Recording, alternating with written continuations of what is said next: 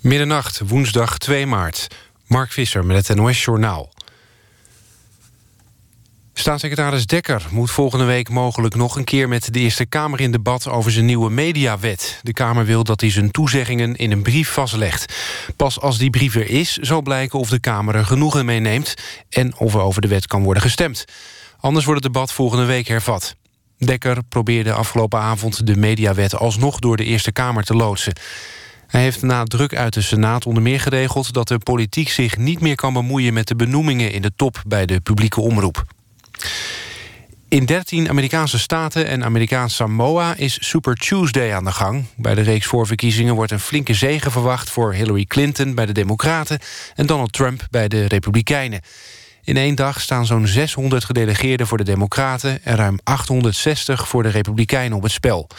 Volgens peilingen wint Clinton in alle staten... behalve misschien Vermont, waar rivaal Bernie Sanders woont. Trump kan het alleen moeilijk krijgen in de thuisstaat van Ted Cruz. Dat is Texas. De directeur van FC Twente en bijna alle andere bestuurders van de club moeten vertrekken. Dat is de conclusie van een onderzoek van de KNVB en de gemeente Enschede. Daarin staat dat directeur Gerard van den Belt niet meer geloofwaardig is... na alles wat er de afgelopen vier jaar is gebeurd bij Twente. Zo werd de KNVB onjuist ingelicht over transfers. En verder is bij de club een ongezonde cultuur ontstaan... en staat Twente financieel aan de rand van de afgrond. Het weer, veel bewolking, soms wat regen. Overdag vooral in de ochtend nog wat zon. En de buien die kunnen gepaard gaan met hagel en onweer. Maximaal liggen tussen de 6 en 8 graden. Dit was het NOS Journaal. NPO Radio 1. VPRO. Nooit meer slapen.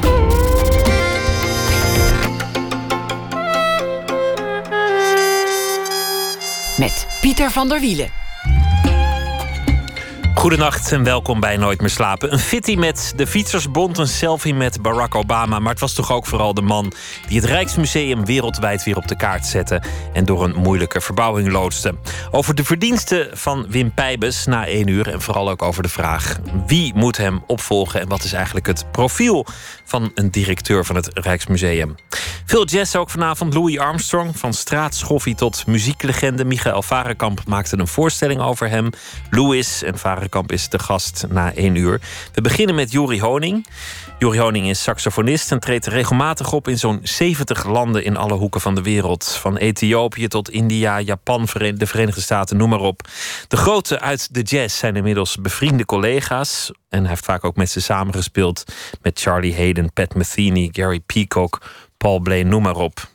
Een jazzpurist is Jori Honing nooit helemaal geworden. Hij put uit alle genres van muziek. Popmuziek, klassieke muziek, Arabisch, elektronisch. Hij is niet van plan zich in één genre te laten vangen. Zijn laatste album, dat uh, een jaar geleden verscheen, uh, dat heet uh, Desire. En dat is weer een akoestisch album met een akoestisch kwartet. En daarmee is hij nu op dit moment aan het toeren door de clubs van Nederland.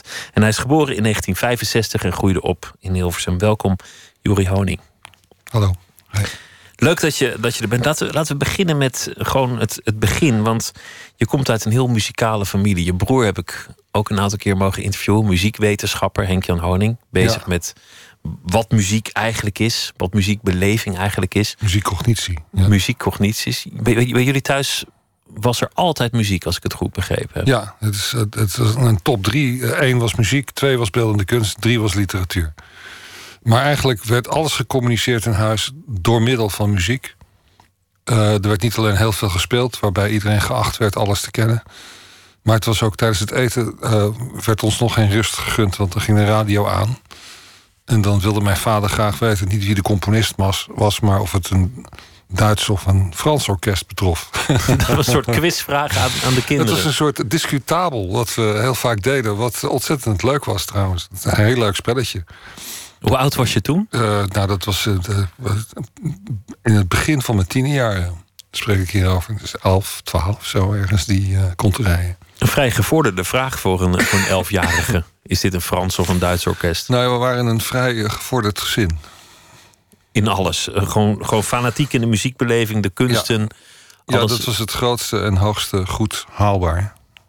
Dat gebeurde hier in Hilversum, maar je noemt nu meteen klassieke muziek. Was dat ook de eerste muziek waar je mee in aanraking kwam? Ja, dat is de reden waarom ik ben gaan spelen überhaupt.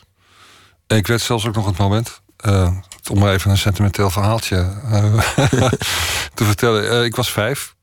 En mijn vader is een leven lang werkzaam geweest als opnametechnicus voor de klassieke zenders en voor de recitals uit het concertgebouw in Amsterdam. Dus die kwam vaak laat thuis en mijn moeder studeerde dan s'nachts piano terwijl ze dan wachtte op zijn thuiskomst. En ik kan me nog heel goed één nacht herinneren dat ze de Engelse suites aan het spelen was van Johann Sebastian Bach. En ik moest naar de wc en toen hoorde ik het en toen moest ik gewoon huilen. Ik kon het niet helpen. En toen dacht ik eh, als jochie van ja, als het me zoveel doet, dan moet ik er ook iets mee gaan doen. En dat werd dan piano spelen aanvankelijk. Oh, ja, aanvankelijk wel, ja. We- Weet je nog het moment dat je bent opgehouden met piano spelen? Want Ja, dat, dat kreeg ik een LP van mijn vader, van Vladimir Askenazi. Ter aanmoediging van mijn pianostudie. Die heb ik opgezet, die plaat. En toen dacht ik van ja, dat ga ik niet redden. een briljant pianist en je hoorde dat en je dacht... hmm, Ja, dat, ik dacht, als eh, dit al bestaat... ik, eh, ik ga het niet redden. Ik ben gewoon niet briljant genoeg. En dan heeft het ook geen zin om ermee door te gaan, want dan verdoe je je tijd. En toen eh, stopte je met de piano. Daar, daar had het bij kunnen blijven. Dan was je iets anders geworden. Ja, had ik een succesvolle carrière als museumdirecteur kunnen aanvangen, bijvoorbeeld. Bij het Rijksmuseum of, of, of op een andere plek. Ja. Het was vast wel goed gekomen. Wat was het moment dat je, dat je werd aangetrokken tot de saxofoon? Ja, er liepen een paar momenten eh, door elkaar. Eén moment was een LP die ik eh, kocht van David Bowie. Die heette Young Americans. En de saxofonist die daarop speelde was David Sanborn. Dat vond ik interessant. Tegelijkertijd, eh wij gingen ieder jaar naar Zwitserland, in Zwitserland op vakantie in de bergen. En we zijn op een gegeven moment hoorden we muziek. Zijn we op de muziek afgereden met de Deux met z'n vijven. En toen eindigden we in Montreux in 1976, 1977. En eh, dat festival werd toen nog gehouden in het casino. Dat ligt daar aan het meer van Genève, een idyllische omgeving. En daar zaten alle grote. Woody Shaw, Freddie Herbert, Billy Cobham, George Duke, uh, Ferguson, uh, nou ja, noem maar Dexter Gordon, Stan Getz. Met een heleboel mooie vrouwen eromheen. En heel veel plezier. En toen heeft mijn vader en een hotel geregeld en kaarten gekocht voor die avond. Montreux Summit was een concert wat startte om 8 uur s avonds. En non-stop doorging tot 4 uur s'nachts. Ik kan me nog herinneren dat Stan Getz Infant Eye speelde om half vier s'nachts met Bob James op piano. En dat heeft een verpletterende indruk op me gemaakt. Al die hele grote namen in de jazz, nou veel leven al niet eens meer van, uh, Nee. van de namen die je nu noemt, Stan Getz, die kon je zo jong zien spelen. Ja, En, en daar is waarschijnlijk dan die, die schakel echt omgegaan van dit instrument wil ik bespelen. ja en ook omdat het. oh, ik, eh, in klassieke muziek, dat was zeker toen ook nog steeds een vrij strenge omgeving. Hè? Eh, dus mijn oude pianoleraar die zat bij de uitvoering in de coulissen met de partituur op zijn schoot. En als ik dan een fout maakte, dan schudde hij zijn hoofd. Begrijp je? Daar, was gewoon, daar zat heel weinig eh, plezier in. En, en jazzmuziek van die generatie, echt die, de, de jongens die het hebben samengesteld, dat, dat, dat was een hele andere vibe. Vrijheid, plezier, spanning. Ja, en ze zagen er allemaal uit alsof ze hun leven lang al deden waar ze gewoon zin in hadden. Ja, Toch, noem, toch noemde je als eerste David Bowie. De- dus, dus toch de popmuziek. ja. Nou, ja, heb ik eh, altijd tot op de dag van vandaag een eh, ongebreidelde interesse voor gehad. Eh, ik, ik maak die onderscheiden ook helemaal niet zo erg. Dat, dat is eh, Tussen pop en jazz of, of wereldmuziek of klassieke klassiek. muziek. Klassieke muziek is nog steeds heel erg belangrijk voor me. Kijk, goed is goed. Wat ik geleerd heb van popmuziek is in ieder geval dat, eh, dat het. eh, het moet heel erg echt zijn. En popmuzici, mensen die werkzaam in dat veld. die groot zijn, zijn er heel erg goed in. Dus mensen als Lou Reed of Neil Young of Johnny Cash, dat soort types. Dat je, dat, als die gaan beginnen, dat is gewoon alles wat ze doen, dat is echt totaal aan de hand en waar. En dan doen ze het misschien wel met maar drie akkoorden en een slecht gestemde gitaar, maar dat maakt niet uit, want daar gaat het uiteindelijk in kern niet om. Het gaat om iets anders. En dat heb ik altijd in mijn achterhoofd gehad en dat heeft me heel erg beïnvloed tot op de dag van vandaag met hoe ik met muziek omga. Lou Reed was natuurlijk niet echt een geschoolde zanger, om, om, het, om het zachtjes uit te drukken. Maar je wilde wel luisteren naar wat hij te zingen had. Nou, je Wat gelooft te zeggen had. Ik weet dat ik, eh, ik kocht die LP Berlin jaren na uitgave, want dat is toch iets, voor- iets voor mijn generatie, of voor mijn leeftijd geweest. In 1974 volgens mij kwam die plaat uit. Eh, en daar beschrijft hij eigenlijk zijn eh, kapotlopende relatie met een vrouw die aan de drugs was en waar allemaal ellende en domestic violence. Maar zo mooi vormgegeven en zo waarachtig dat het heeft een verpletterende indruk op me gemaakt. De saxofoon, je, je ging, ging spelen. Uh, aanvankelijk was het geloof ik een alt-saxofoon. Want er zijn maar weinig mensen die meteen een tenor in hun handen gedrukt Ja, krijgen. Ja. Dan ga je oefenen. Is er, een, is er een punt gekomen dat je echt verslaafd werd aan je instrument? Dat je er niet meer vanaf te trekken Nou, was? v- Veel later. Het is eigenlijk. Ehm, ik speelde op een gegeven moment ergens alt-saxofoon. En toen kwam er een jongen op me af, een vriend van me, die zei van ja, ik vind dat je heel veel talent hebt, maar je ziet er niet uit. En toen doelde hij op de verhouding van eh, toch het vrij kleine instrument alt-saxofoon en mijn lengte. Een lange man met een kleine toeter. Ja, en eh, ik dacht, ja, dat is een gevoelige leeftijd om dat eh, te ontvangen, die informatie. Dus toen dacht ik, ja, heeft gelijk. Dus ik switch naar het noord. Dus dat heb ik gedaan. En dat is eigenlijk ook het moment waarop ik voor het eerst serieus les heb genomen. Tot die tijd rommelde ik gewoon een, een hoop aan, deed veel op mijn oren. En eh, toen had ik een leraar gevonden. En eh, die, die onderwees mij heel goed. Die wees me op allerlei dingen. Ik wist eigenlijk niks. En toen ben ik heel serieus gaan studeren om gewoon eens te kijken wat ik zou kunnen bereiken. En toen had ik plots één maat, plotseling, was ik 18 of 19, één maat op wereldniveau. En dat wist je zelf ook meteen. Nou, dat voelde ik meteen. Wow. Het was maar één maat, hè? Dus het was nog niks. Maar het was er. Hij was er. Die maat was er. Dus eh, toen dacht ik van ja, dat, dat als ik één maat kan, dan kan ik er ook vier. En acht, en 16, en 32, en 64. Dat betekent dat ik het zou kunnen. En dat was zeg maar met het uh, in mijn achterhoofd. eh, eh, dacht ik van ja, dan, als dat erin zit, dan moet ik in ieder geval een hele serieuze poging wagen om het eruit te halen. Je bent inmiddels echt een grootheid geworden in de jazz. Je speelt over de hele wereld, 70 landen waar je regelmatig komt. Je, je, bent, eh, je, je staat met de grote, je bent bevriend met mensen als, als Wayne Shorter, die je regelmatig tegenkomt. Dat, dat heb je allemaal bereikt en voor elkaar gebuffeld. Ik zag je regelmatig spelen begin jaren 90. En toen had je al de toon. En dat is volgens mij iets dat je vindt, een eigen stem op zo'n instrument, dat je ook nooit meer verlaat. We- we- weet je wanneer dat kwam? Dat je echt jezelf terug kon horen in je ins- instrument. Eerlijk gezegd denk ik dat het er al vanaf het begin was. Omdat als ik hele oude opnames heb ik wel eens teruggeluisterd toen ik 14 of 15 was. Toen was het er eigenlijk ook al. Maar ik ben altijd heel, heel erg bewust geweest van het belang van geluid. Omdat ik denk dat eh, geluid het eerste is. En als dat ontwikkeld is, dan is het, is het de noten die volgen het geluid. En niet andersom. Ik heb dus vanaf het begin van mijn studie, toen het serieus werd... extreem veel tijd besteed aan de ontwikkeling van mijn geluid. En ik heb gewoon gedacht aan de mensen waarvan ik vond dat die het allermooiste saxofoongeluid hadden. wat er bestond. En dat gecombineerd in mijn hoofd. En dan net zo lang op een noot geoefend totdat die noot zo goed klonk dat ik dacht: van ja, mooi kan ik hem niet spelen. En wie waren dat? Stan Getz misschien? Stan Getz zat daar zeker tussen. eh, Dewey Redman, eh, Johnny Coltrane, eh, Wayne Shorter, Jan Gabarek. vroeger Michael Brecker. De hele grote, kortom. Ja. We gaan luisteren naar eh, het album dat je eh, het meest recent hebt uitgebracht, Desire. Acht stukken die acht verschillende soorten verlangen uitbeelden. Samen met Wolfert Brederode, Goody Goodmundsson op bas, Joost Leijbaard op drums. En eh, jullie heten het Jori Honing Acoustic Quartet. En dit is het titelnummer, Desire.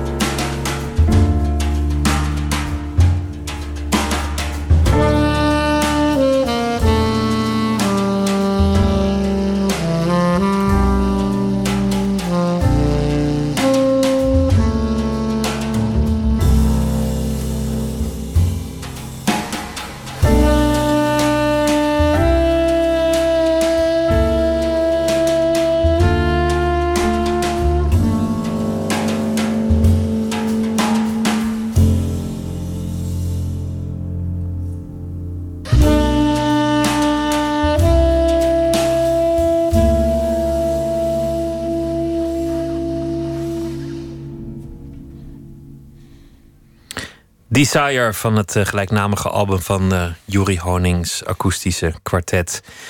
Acht soorten verlangen in acht stukken. Welk, welk verlangen was dit? Dit was het, basisverlangen, desire. Dus je verlangt naar iets wat je nog niet hebt. En als je het zou krijgen, verdwijnt het verlangen. Het verlangen lost op, als het ware. En dat is uh, vanuit de inhoud gesproken van dit stuk. Zo, het, het, er is geen enkel moment in het hele stuk, naar de compositie, dat het de harmonie oplost. Om die reden. Dus alles blijft. Alles wacht op een oplossing die niet komt. En dat is de kern van verlangen. Je verwacht dat het akkoord wordt afgemaakt, dat die, dat die, Ja. dat die toon dat wordt ingelost. Nou ja, kijk, wat is belangrijker? Is het, is het verlangen belangrijker of is het inlossen van het verlangen belangrijker? Je kunt je afvragen wat, wat zwaarwichtiger is. Kijk, op het moment dat je verlangen ingelost wordt, dan verdwijnt het ook. Het kan ook een zekere leegheid teweegbrengen als gevolg daarvan. Je hebt honger nodig om lekker te kunnen eten. Om maar eens wat te noemen. Uh, ja, maar is, ik denk ook dat verlangen eigenlijk eh, een van de basisemoties is van een mens. Die hem drijft om, om dingen te doen. Niet zo lang geleden um, hield je een avond in Rotterdam, was dat, waar, waar je iets vertelde over wat jazz volgens jou is.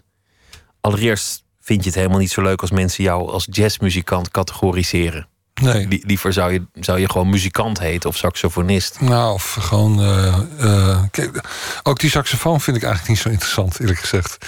Dat is ook maar een instrument. Dat heb ik geleerd. En uh, ik ben heel lang daar heel virtuoos op geweest. Ik vind dat ook minder interessant nu.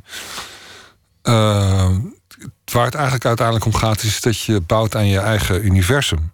En daar gebruik ik allerlei elementen voor. En die saxofoon is maar een instrument daarvoor voel me niet zozeer saxofonist. Ik voel me eigenlijk veel meer een vocalist. Die een saxofoon gebruikt om zijn stem te laten horen. Je zingt via een, een, een stuk metaal. Ja, feitelijk wel. En natuurlijk heeft jazzmuziek me heel erg beïnvloed. Maar minstens zo erg ben ik beïnvloed door oude muziek. En door popmuziek. En door Arabische muziek. Dus um, om het te definiëren als jazzmuzikant, dat, dat is, ik denk dat de meeste mensen hebben daar een beeld bij. En dat beeld wat de meeste mensen daarbij hebben, dat is een beeld waar ik mezelf in ieder geval niet in herken. In het begin, toen je, toen je uitstapjes ging maken, werd er nog wel eens hoofdschuddend gereageerd door de, door de meer uh, ja, orthodoxe jazz. Recensenten. Die, je deed toen Schubert, geloof ik. Uh, ja. Die winterreizen had je, had je dat was een interessant verschijnsel, ja. Dat, dat die, ik had de winterreizen opgenomen en ook heel keurig. In de zin van, uh, ik heb geen noten toegevoegd of weggelaten. Uh, ik heb alleen wat tempi veranderd en wat fraseringsdingen veranderd. En dat werd met open armen ontvangen door de klassieke muziekpers. En de jazzpers die hebben er maanden over gedaan... Om, alleen al om te besluiten of ze er wel of niet iets over zouden moeten schrijven. Dus kennelijk, uh, de, de, schrijvende pers, jazzmuziek, is is uh, vrij conservatief. En toen schreef ze uiteindelijk: uh, We hopen dat Jury Honing weer snel gewoon een jazzplaat maakt. Ja. Kijk, daar ga je al. je vertelde toen op die avond ja. over, over jazz dat het altijd gaat over heimwee. Dat, dat jazzmuziek ja. altijd een element van verlangen naar thuis is. Nou, in ieder geval in die zin van waar het uit voortkomt. Het komt voort natuurlijk uit blues. En blues gaat over heimwee. En oude blues, dat zijn die, die, echte oude bluesopnames. Dan hoor je een gitarist die speelt één akkoord. Jing, jing, jing. En alleen maar dat ene akkoord. En dat is de vijf. Dat is de dominant. En een vijf wil naar één. Pam, pam. Dat is, weet je, dat is de beweging die we allemaal kennen in Europa. Pam, pam. Dat moet gebeuren. En die pam, de één, dat is Afrika. En daar, gaat hij natuurlijk, daar komt hij nooit meer terug. Dus het is een soort verlangen naar huis. En dat huis, dat is er helemaal niet. En dat komt ook helemaal nooit meer. Dus net zoals je dat hier in dit stuk uh, uh, vertelde, het is een, een, harmonie die nooit helemaal wordt, wordt afgemaakt. Ja. Een verlangen dat, dat blijft knagen. Ja, in kern wel. En als je het wat groter ziet, in een wat groter verband, is dat eigenlijk ook. Uh, eigenlijk is dat ook het menselijk bestaan. Kijk, dingen lopen nooit zoals je wilt dat ze lopen. Nooit. En er is je bent erin gestapt met een zekere verwachting en ook met een zeker verlangen naar bepaalde dingen. En dan loopt alles toch totaal anders. En daar moet je uh, mee om zien te gaan. Dat moet je omarmen, die teleurstelling. Eigenlijk wel, ja. Als je verstandig bent wel. Je hebt ook een aantal dogma's over, over wat jazz is omvergekegeld. Dat het altijd gaat om geïmproviseerde muziek. Daarvoor zei je, eigenlijk vind ik dat niet zo belangrijk. Volgens mij is dat niet de kern, vertelde je. Nee, en als je luistert naar opnames blijkt het ook. Maar als Davis uh, vijf jaar lang, als hij Autumn Leaves speelt... tussen 1955 en 1960 zo ongeveer... de eerste twee minuten zijn precies hetzelfde. Avond en avond. Avond en avond. Ik heb een solo gehoord op een gegeven moment van Michael Brecker op een stuk. Uh, met zijn broertje, de Brecker Brothers uit de begin tachtige jaren. En die had hij op een, op een studioopname gespeeld. En toen hoorde ik een live-opname in Japan, speelde die exact dezelfde solo. Noot voor noot. Dus die had hij thuis ingestudeerd. Kijk, mij maakt het niks uit, want improviseren is eigenlijk een soort hele snelle vorm van componeren. En componeren is eigenlijk een hele langzame vorm van improviseren. Uiteindelijk is dat hetzelfde. Je, je maakt iets, je creëert. Het gaat, het gaat om het eindresultaat. En uh, uh, dat is wat, waar, waar, het gewicht zit. Het gaat niet om het proces. Het proces is niet relevant. In ieder geval niet relevant voor degene die het ontvangt. Heb je wel eens een moment dat je op het podium jezelf verliest en denkt: ik weet niet waar dit naartoe gaat. Ik hoop dat we ergens terechtkomen. Dat het ter plekke ontstaat. Of je het nou componeren of, of improviseren noemt dat je risico neemt? Dat je, dat je... Ja, ik probeer me zoveel mogelijk te verliezen. Eigenlijk. Lukt dat nog als je zoveel optreedt? Ja, totaal. Hoe doe je dat? Uh, ik, ik denk doordat vanaf het moment dat ik het podium oploop, ben ik er eigenlijk al niet meer. Dan ben je ergens in een andere staat. Nou, ik ben er niet in ieder geval. Het, het, er is de muziek en die muziek die volg je en die faciliteer je. En je probeert alles zo goed te faciliteren met mensen die je kunt vertrouwen. Dat je maximaal kans hebt op dat er iets gaat gebeuren wat goed is. En daar wacht je vervolgens op. Je faciliteert dat terwijl je daarop wacht. En dat, dat, dat je dan jezelf kwijtraakt op enig moment, al is het maar voor een paar seconden. Dat is eigenlijk het hoogste goed of wat ik laatst liep te grappen met, uh, met Wolf Bredero, de pianist waarmee ik nu heel veel werk, maar in Novosibirsk. Dat ligt halverwege Siberië. Hele grote stad, maar toch halverwege Siberië. Dus vlak voordat we daar mooie zaal en zo aangekondigd, denk ik van ja, eigenlijk is dit wanhoops-escapisme. en dan moest hij ook wel erg om lachen. Want het, het zit hem ook een beetje in de discipline van het toeren en het reizen. Dat je, je komt in een soort andere zone terecht avond en avond optreden, toewerken naar dat optreden, maar ook gewoon reizen, wachten, inchecken, uitchecken. Nou ja, tijdsverschillen, omgevingsverschillen, klimaatverschillen, noem maar op. Je speelt in, in zulke uiteenlopende gebieden. Je, je hebt gespeeld in, in uh, alle hoeken van het Midden-Oosten, zo'n beetje. Aan, aan beide kanten van, van gruwelijke conflicten. Je hebt gespeeld in Ethiopië, je hebt gespeeld in, uh, in India. Ben je, ben je echt een, een grootheid. Nu halverwege Siberië. Ja. Het spreekt enorm tot de verbeelding wat je nu vertelt. Dat je daar dan uh, jazz gaat maken. Maar het, het, het, het, grootste deel van het werkgebied is natuurlijk gewoon Europa en Japan, Azië, uh, uh, Noord-Amerika, Zuid-Amerika. Maar ik, ik ben er niet vies van om ook wat exotische landen te bereizen. Is het, is het dan uiteindelijk als je op dat podium staat anders? Als je eenmaal aan het, aan het spelen bent? Nee, het is overal eigenlijk hetzelfde. Alleen de omgeving is anders. Maar het is eigenlijk hetzelfde. En de reactie van het publiek? Want, want dat zal toch wel verschillen als mensen uit zo'n andere cultuur komen? Uh, ja, hoewel de, de, uh, de, de, ontvangst is hetzelfde, maar de reactie is anders. Dus weet je, als je in Noorwegen heel goed speelt, in Narvik, ergens in het noorden van Noorwegen, dan komen ze naar je toe en dan schudden ze je hand. En dan zeggen ze van, dat uh, was very beautiful, thank you. En dat, dat, dat is voor Noorse begrippen een uitzinnige reactie. Maar ik heb ook wel eens in, in Campina en Sao Paulo gespeeld, in Brazilië. En dan komen ze huilend je kleedkamer inlopen en, en, en uh, omarmen ze je. En, uh, dan denk je ook meteen dat je drie affaires op hebt gelopen direct na het concert. Maar dat blijkt achteraf allemaal wel mee te vallen. Maar die uiten zich gewoon een beetje anders. Maar op het podium, dan, dan lijken ineens al die grenzen vervaagd. Ja, het is universeel. Er was op een zeker ogenblik een, een, een soort petitie of een Facebook-actie, of, of, of, weet ik wat het was, eh, van een groepering die vond dat jij niet in Israël mocht optreden. Die, die dat heel erg het, het, politieke introk. Ja, daar hebben ze erg vond... best voor gedaan, ja. Uh, uh, ja, dat heeft me enorm geïrriteerd. omdat ik uh, nogal een lans heb gebroken voor de Arabische muziektraditie. En bovendien op een heel gevoelig moment, namelijk op 9-11. Dat was de dag waarop mijn tour begon in Nederland. En toen wilden alle programmeurs die mij hadden geboekt voor die tour met twee Iraki en een uh, fantastische Libanese zangeres, Rima Gsais. Die, zeiden, die belden me op en die zeiden van ja, wil je nog wat doen? En ik zei van dit is het mooiste moment om het te doen. Het is een prachtige muziektraditie. En dit gaat over mensen. Dit is geen politiek. En dat heb ik gedaan en ik heb daarna daar heel veel gespeeld. En, uh, en toen werd ik uh, geboekt voor Israël.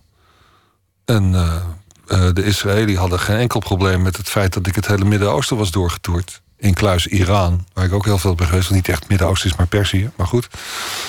Ehm, en die zeiden, nou je welkom. En toen werd ik plotseling door die groepering enorm lastig gevallen. Mijn vrienden werden lastig gevallen. Ik werd ook een beetje bedreigd. En een boycottpagina. En daar werd ik heel chagrijnig van. En toen toen heb ik moest ik nog heel erg oppassen ook, omdat dan bellen ook bepaalde tv-programma's en die willen dan dat je daarover vertelt. En voor je het weet heb je gewoon een etiket op je voorhoofd staan. Van, ja, je, je bent of pro-Israël, of, of een andere politieke kleur... of je bent plotseling een doorgeefluik, dan wel aanspreekbuis van... Terwijl, terwijl het juist zo voorbij gaat aan wat je net vertelde... dat er van allerlei verschillen kunnen zijn over de hele wereld... maar dat als het echt gaat over muziek mensen toch meer op elkaar lijken dan je zou vermoeden. Nou ja, kijk, je, natuurlijk. En dat geldt zeker voor het Arabische gebied, het Semitische gebied. Dat is, dat is die, die lijken meer op elkaar dan ze willen durven toegeven. Maar het is een ingewikkeld gebied en ik ken de geschiedenis heel goed. En het is uh, best lastig om daar iets heel verstandigs over te zeggen. Ja, en jammer dat je, dat je, dat je dan het politieke ingetrokken wordt. En eigenlijk ook gek dat het jou overkwam? Want er zijn zoveel artiesten die overal optreden. Nou ja, al mijn Nederlandse collega's die, die dat deden, die hadden helemaal nergens last van. Maar kennelijk uh, vonden die organisaties van ja, we hebben hier een hoge boom. Want daar gaat het natuurlijk om. Dan, dan krijgen we aandacht als we daar uh, even een bijltje in zetten. Jouw broer is uh, um, cognitiewetenschapper. Hij is bezig met, met wat muziek is, hoe wij muziek beleven. zijn boek heette Iedereen is muzikaal. Praten jullie daar vaak over wat nou eigenlijk muziek is en, en hoe het kan dat alle mensen over de hele wereld daar ineens wel dezelfde taal spreken? Uh, nou, we, vervolgen, we volgen elkaars werk nauwgezet, maar we wisselen zelden van gedachten daarover. Dan hebben jullie het over andere dingen. Ja. Ja. Denk je er wel eens over na? Hoe dat eigenlijk mogelijk is dat muziek zo'n enorm korte lijn heeft met de emoties met herinneringen, met identiteit? Ik denk dat het de, de. Ja, nu noem je een paar dingen die heel verschillend zijn. Dat is best ingewikkeld. Maar ik, het, uh, als het gaat om, uh, om, om taal, zeg maar, om wat je, wat je wil uit. Het is natuurlijk in een bepaalde zin de oudste taal die we hebben. Het is ook uh, van alle kunstvormen aan één kant de meest abstracte vorm die we hebben. Aan de andere kant ook de meest directe. Want alle andere kunstvormen hebben een vertaalslag daartussen zit. Dat, weet je, een schilderij kan ontroeren, maar eh, duurt misschien net iets langer. Duurt iets langer. En je kijkt, uh, je kijkt naar materiaal, textuur.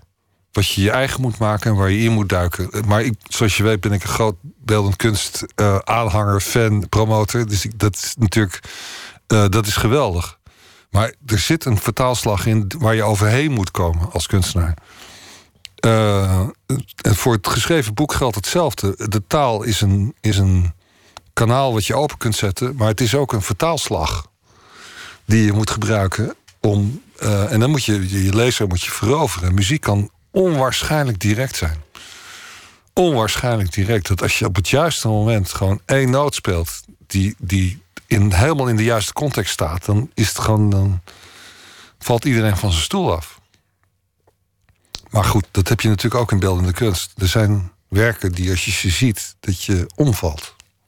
Je put ook voor inspiratie uit verschillende vormen. Je, je hebt wel eens gesproken met beeldend kunstenaars. Je, je, loopt musea in en uit waar je ook komt. Als, als er kans is om iets te bezoeken, dan, dan doe je dat. Maar ook een.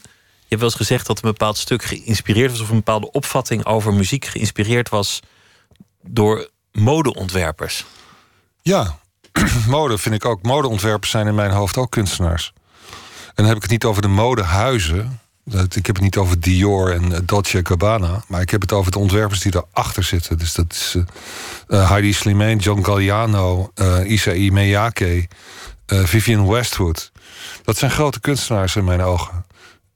kunstenaars in de zin van hoe ze textuur combineren met kleur en vorm en stilisme met een oog op de geschiedenis van de mode en een oog op de toekomst. En hoe kan dat jouw muziek beïnvloeden? Hoe, hoe kan een, een muzikant, omdat het zo'n andere discipline is, hoe, hoe kan dat daar? Ja, ik, ik, voel, ik, ik, zie dat zo niet en ik voel dat zo ook niet. Ik, ik denk helemaal niet in de verschillende disciplines. Ik denk dat iedereen die zich bezighoudt met kunst, eigenlijk met dezelfde dingen bezig. Gewoon, die is, dat, iedereen is aan het graven en op zoek naar een soort van uh, diepte of een soort van waarheid of een waarheidsvinding. Eh, of een nieuwe manier van jezelf uit te drukken. Of uit te drukken wat je waarneemt van de wereld om je heen. Uh, en er zijn talrijk veel mogelijkheden voor. Bij Vivian Westwood was voor mij was het een klein filmpje. Uh, ze heeft een paspop die 50% is van haar eigen lichaam. En ze deed een interview met iemand. En, uh, en ze was ondertussen met kaasdoek, gewoon dat eenvoudige witte katoendoek... en een paar spelden zo een beetje bezig. En toen zo na tien minuutjes was plotseling bang! Gewoon driedimensionaal happening iets. En ik zat er naar te kijken en ik dacht van verrek, ik moet gewoon zo gaan componeren. Ik ben heel stom geweest. Ik moet gewoon zo gaan componeren. Hoe is dat dan? van geleerd. Nou, dat gaat om drie, dimension, drie dimensies feitelijk. Dus je kunt, je kunt componeren en dan heb je een melodielijntje... En dan, en dan kun je er harmonie onder zetten. Dat zijn twee dimensies. Hetzelfde als met schilderen. Als je een tijdje schildert, dan blijft het ook tweedimensionaal. Maar het echte werk is driedimensionaal. Uh, een groot schilderij, daar kijk je niet alleen tegenaan, daar kijk je doorheen. En dat heeft ook een achterkant. En het heeft een context. En dat geldt ook voor grote muziek. Die heeft, dat, daar is dat ook aan de hand. We moeten even de geschiedenis oppakken waar we gebleven waren. Begin jaren negentig. Je had je, je toon, je, je, je raaste de clubs af. En ineens gaan dingen gebeuren. En, en, en dat zijn dingen waar je van had kunnen dromen, die nooit hadden kunnen gebeuren, die ineens wel gebeuren. Opgebeld worden door Charlie Hayden, bassist. Een, een grootheid in je vak. Die zegt: Moeten wij niet eens samen gaan spelen? Wat was het moment dat je dacht: Verrek, dingen zijn aan het gebeuren. Nu, nu, nu overkomen mij dingen waar anderen alleen van dromen, waar ik zelf misschien alleen maar van dacht te kunnen dromen. Nou ja, ik, ik reageer altijd heel secundair op dingen die me overkomen.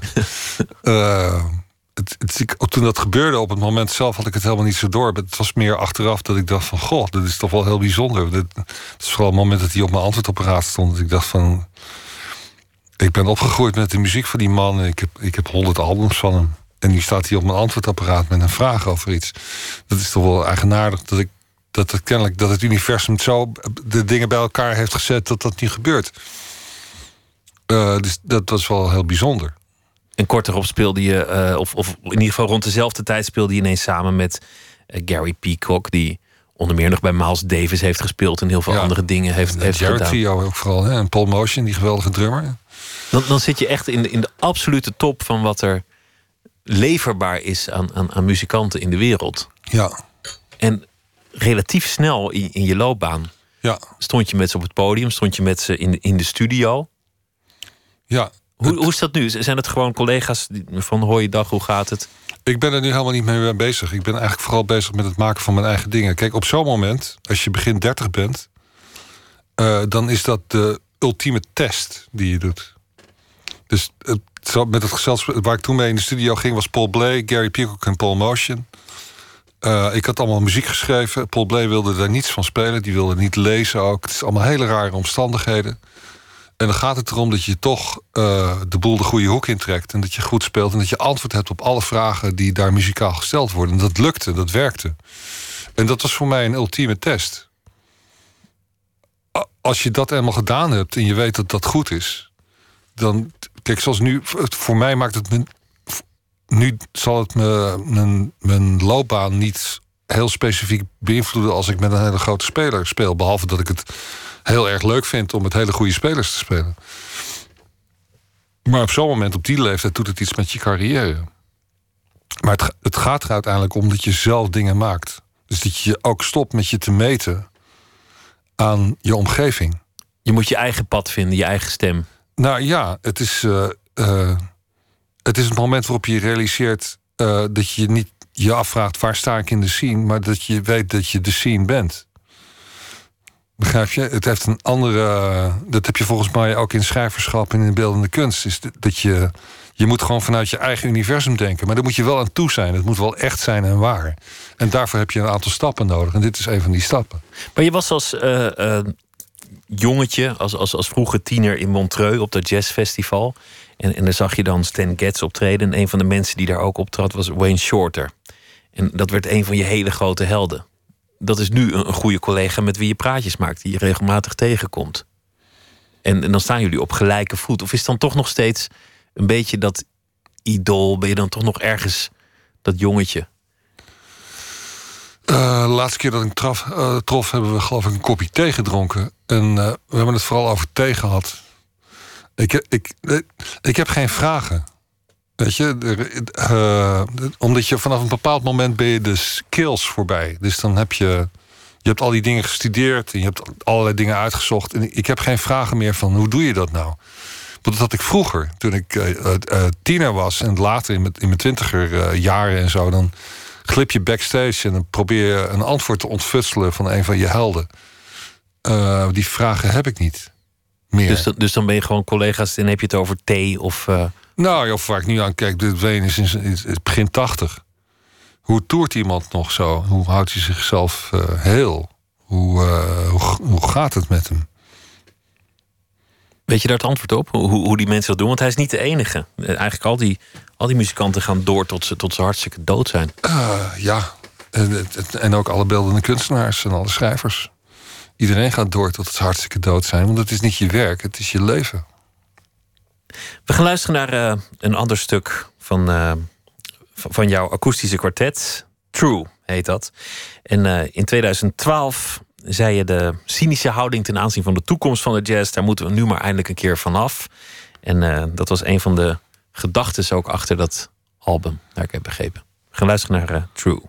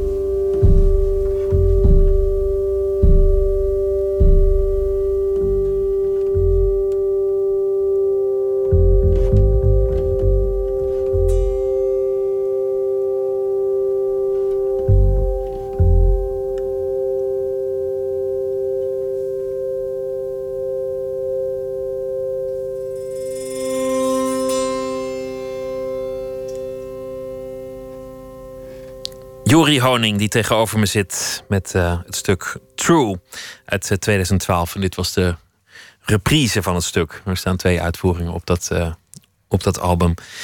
Staat jouw bestaan helemaal in het teken op dit moment van, van muziek? Je hebt, je hebt het over het kunstenaarschap, over jezelf willen uiten, over uh, je stem vinden. Ik, ik, vroeg net waarom gaan al die muzikanten door tot ze hartstikke dood zijn. Dan gaan ze tot, tot diep in de tachtig, in de negentig als het ze gegeven is, door. Jij zei ja, omdat dat is hun bestaan. Ja. Geldt dat voor jou ook? Nou ja, het is, ik vind het leuk om dingen te maken. Dat is de zingeving van het bestaan. En uh, ik laat me graag inspireren door uh, zoveel mogelijk dingen. En uh, dan probeer ik na verloop van tijd daar iets mee te doen en daar om iets te maken. Maken van dingen is het mooiste wat er is. In je persoonlijk leven moet dat toch langzaamaan ook wel, wel hier en daar barsten opleveren. Als je, als je zoveel op reis bent, zo gedreven bent, altijd bezig bent met iets dat, dat voor jou de kern van je, van je bestaan is. Ja. Pikt, pikt je omgeving het nog? Uh, nou, op een gegeven moment niet meer natuurlijk. Die denken, nee. nou, nou is het wel mooi geweest met, uh, met dat Uh, recreëer. Nou ja. Kijk, het is een beetje simpel gesteld, maar. ehm, uh, als je diep graaft en daar de hele tijd mee bezig bent, heeft dat consequenties. Uh, dat heeft consequenties voor je omgeving. Het heeft consequenties voor jezelf ook trouwens. Voor je eigen mentale gesteldheid. En dat kan soms uh, behoorlijk uit de, uit de rails lopen. Dat is, ja, ik kan niet anders zeggen. Maar dat, dat hebben we allemaal, volgens mij. is, is, is er een moment geweest dat je, dat je hebt overwogen om het dan om een andere keuze daarin te maken? Om te denken van nou ja, misschien moet ik mijn bestaan ook wel zo inrichten dat er, dat er ruimte overblijft voor andere aspecten. Voor, voor een relatie, voor, voor, voor vrienden, voor rust, voor uh, dagjes bij je schoonmoeder, weet ik het. Nou ja, kijk, je kunt het allemaal wel inpassen, of in ieder geval voor een deel. Uh, maar topsport is topsport. Dus je kunt niet. Je kunt niet af en toe iets heel goeds maken. Dat is, dat is echt een idee fix. Dat, is, dat, dat bestaat niet. Dus als je goede dingen wil maken, dan moet je de hele tijd bezig zijn met goede dingen te maken. En dat is de enige manier. En zodra je daarin verslapt, uh, dondert het niveau ook meteen naar beneden. En dan heeft het ook geen zin meer om het te doen. Want dan, dan maak je van iets wat zingeving is aan je leven, dat wordt dan een soort hobby. Ja. Is dat ook een soort angst om, om, om het te laten afweten? Dat, dat jij misschien al lang voordat iemand anders ook maar iets zou merken, zelf denkt: heb ik wel alles gegeven? Sta ik wel volledig op scherp? Ben ik niet aan het verzaken? Nou, dat is natuurlijk uh, uh, dat is iets wat. Uh, dat is een alarmsysteem wat vrij hoog ontwikkeld is bij mij. En niet alleen bij mij. Ik denk ook dat het ook nogmaals, dat is denk ik voor de hele beroepsgroep der kunstenaars gaat, gaat die vliegen gewoon op. Kijk, je hebt soms crisissen waar je doorheen moet, dat je even niet weet hoe verder. Ehm, maar je bent voortdurend bezig jezelf aan te scherpen, want daar gaat het over. Dat zou je ook kunnen interpreteren als een egocentrisch bestaan, in zekere zin. Omdat ja. je, dat je voor je eigen missie kiest. Ja, dat is het ook. Het is een one-seat boot. Als dan je relatie strandt of, of, of er een andere crisis achter de rug is... kan die muziek je dan ook troost bieden? Of, of blijkt het daar dan toch te veel werk voor? Het kan een uitlaatklep zijn. Uh, troost is een moeilijk gegeven, vind ik. Als je echt te verliezen hebt in je leven, dan. Uh,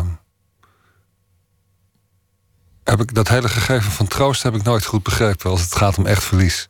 Want echt verlies is gewoon echt verlies. En dan ben je iets kwijt wat niet meer terugkomt. En er komt niks voor in de plaats. Nee, en het is ook, daar, daar komt een soort rouw bij, die uh, heel monomaan is van karakter. Uh, en dan zou je kunnen zeggen van ja, dan, dan speel je dat eruit. Maar dat, zo werkt dat niet. Dan, zit er, is er ergens een gat ingeslagen in je, in je universum. En dat gat dat uh, groeit ook niet meer dicht. Dat blijft gewoon een gat waar je gewoon uh, mee leert leven. Als je er heel eerlijk over bent. Weet je, dat mensen zeggen dat verdriet slijt. En dat is helemaal niet zo. Verdriet slijt helemaal niet. Verdriet blijft, is uh, onbewegelijk. Heel statisch eigenlijk. Het is alleen... Um, allerlei andere dingen groeien er omheen. Waardoor je het op een gegeven moment kun je het. Staat het op een plek en dan weet je, daar staat het. Dan lijkt het me helemaal zo ontwrichtend of, of misschien vervreemdend dat, dat dan je, je leven even in scherven ligt en je, en je hebt een gebroken hart en er is een soort crisis. En je gaat weer op reis. En je komt in die routine van dat toeren waar je het net over had. Ja. Inchecken, uitchecken, hotelkamer, klaarmaken voor het optreden, inblazen, spelen, applaus, volgende avond. Terwijl ergens op een grote afstand in een andere hoek van de wereld de scherven van je leven nog, nog liggen. Ja. Dan, Ja. dan begin ik misschien een beetje te begrijpen waarom heel veel muzikanten uite- uiteindelijk, ehm, op, op wat voor manier dan ook, ja, emo- emotioneel dysfunctioneel raken. Nou ja, dat raakt iedereen vroeg of laat, toch? Alle mensen, ja, dat is ook zo. Ik bedoel, Ja. ehm, maar het heeft ook geen zin om thuis op de bank te gaan zitten. Je moet verder. Daar kun je ook ontwricht van raken. Het is, ik geloof heel erg in beweging, activiteit en maken, doen. Dat is de allerbeste manier om te dealen met waar iedereen mee moet dealen hier op deze planeet. Ik ben geen uitzondering. Dan ben jij een, een, een saxofonist die, die de geschiedenis van de jazz heeft bestudeerd, die heel veel weet van, van harmonieën, van, van muziekleer, die zich echt op een, op een heel fundamenteel niveau heeft verdiept in, in muziek. Maar je zoekt graag de samenwerking ook met andere mensen uit, uit de, uit de roll, uit de, de elektronische muziek.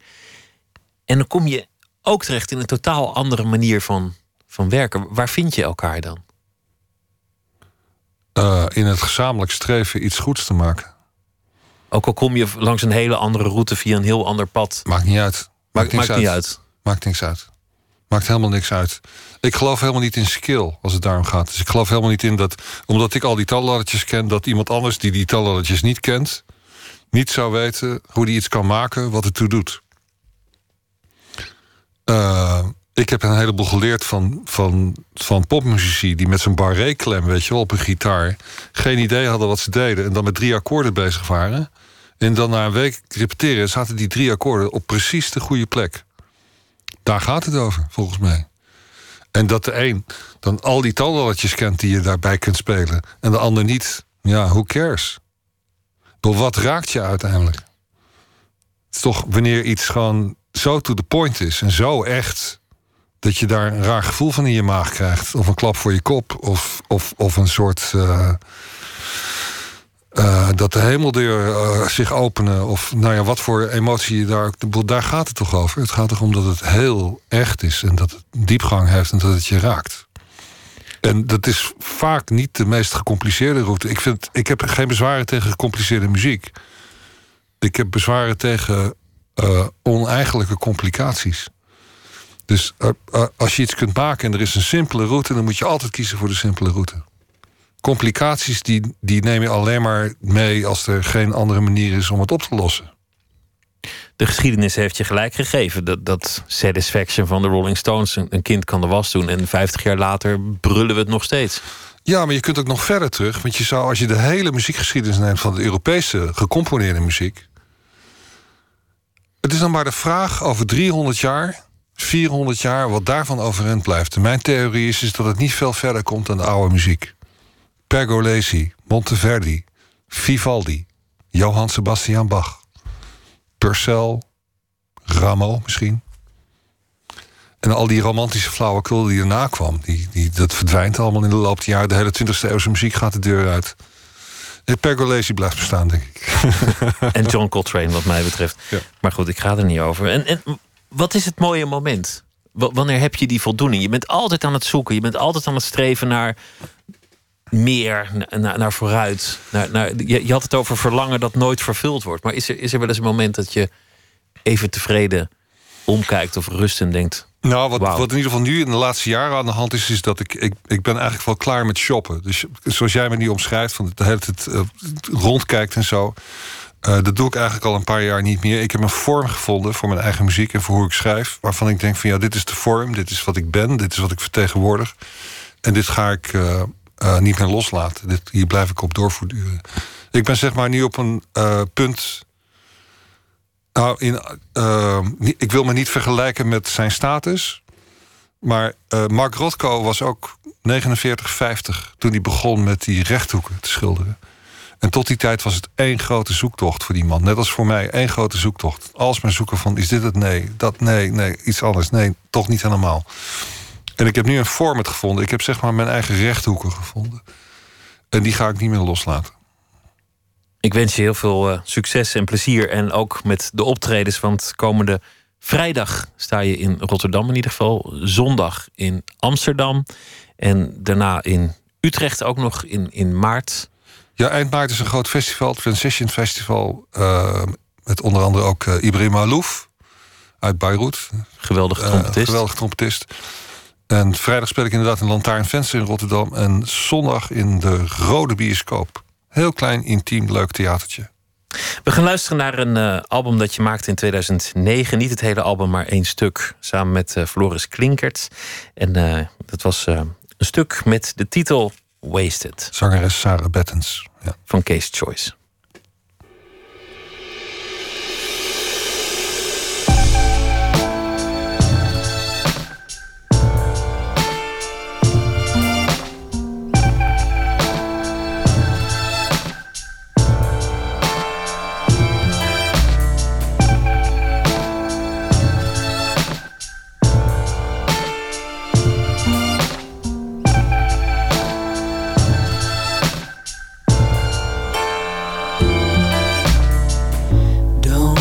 Say anything your pretty words won't do.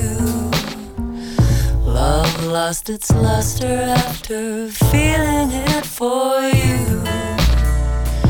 You want everything, and everything's not me.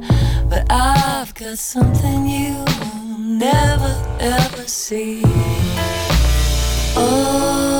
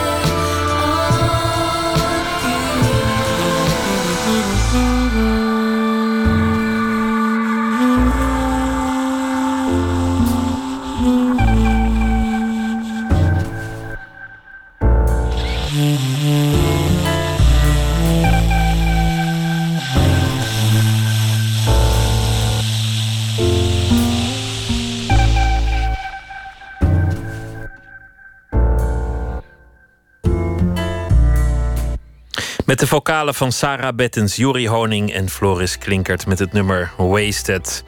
Tijdens de Boekenweek presenteert Sanne Wallis de Vries een nieuw programma VPRO's Nationale Boekenquiz. Schrijvers gaan met elkaar de strijd aan. Wilt u erbij zijn, dan kan dat via de website tvtickets.nl. 6 en 7 maart opnames. Zometeen gaan we verder met Nooit meer slapen.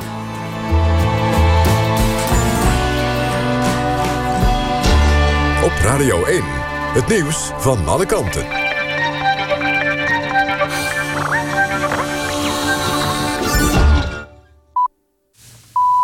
1 uur. Mark Visser met het NOS-journaal. Studenten moeten steeds vaker een toelatingsprocedure door... om door te stromen naar een masteropleiding. Uit analyse door de redactie van de keuzegids Master 2016... en de nieuwe online mastervergelijker... blijkt dat bij meer dan de helft van de opleiding het geval te zijn. In de gids staan de eisen per master. In Utrecht gelden ze voor 84% van de opleidingen. Ook op de Universiteit van Amsterdam en de Erasmus Universiteit Rotterdam... is maatwerk meer regel dan uitzondering. Procedure geldt voor studenten die vanuit de eigen bacheloropleiding willen doorstromen. Staatssecretaris Dekker moet volgende week mogelijk nog een keer... met de Eerste Kamer in debat over zijn nieuwe mediawet. De Senaat wil dat hij zijn toezeggingen in een brief vastlegt. Pas als die brief er is, zal blijken of de Kamer genoegen neemt... met Dekkers toezeggingen en of er over de wet gestemd kan worden. Zo niet, dan wordt het debat volgende week hervat. Dekker probeert de wet de afgelopen avond alsnog door de Senaat te loodsen. Senatoren eisen dat hij een aanvullende wet maakt. Dekker heeft haast, omdat de hervorming van de regionale omroepen... al op 1 januari moet ingaan. In de Verenigde Staten zijn ruim 100 documenten van Osama Bin Laden openbaar gemaakt... die Amerikaanse commando's vonden toen ze hem in 2011 liquideerden. Belangrijkste document is het handgeschreven testament van de terroristenleider. In het testament schrijft Bin Laden dat hij over 29 miljoen dollar beschikt. Hij bestemt een deel van het geld voor zijn familieleden... maar het grootste deel moet naar de gewapende strijd, de jihad, gaan. Bin Laden dankte zijn rijkdom ten dele aan zijn vader en zijn broer... beide geslaagde zakenmannen. Het weer, veel bewolking, soms wat regen, ook overdag regen... maar ook wat zon bij maxima tussen de 6 en 8 graden. Dit was het NOS Journaal. NPO Radio 1. VPRO. Meer slapen.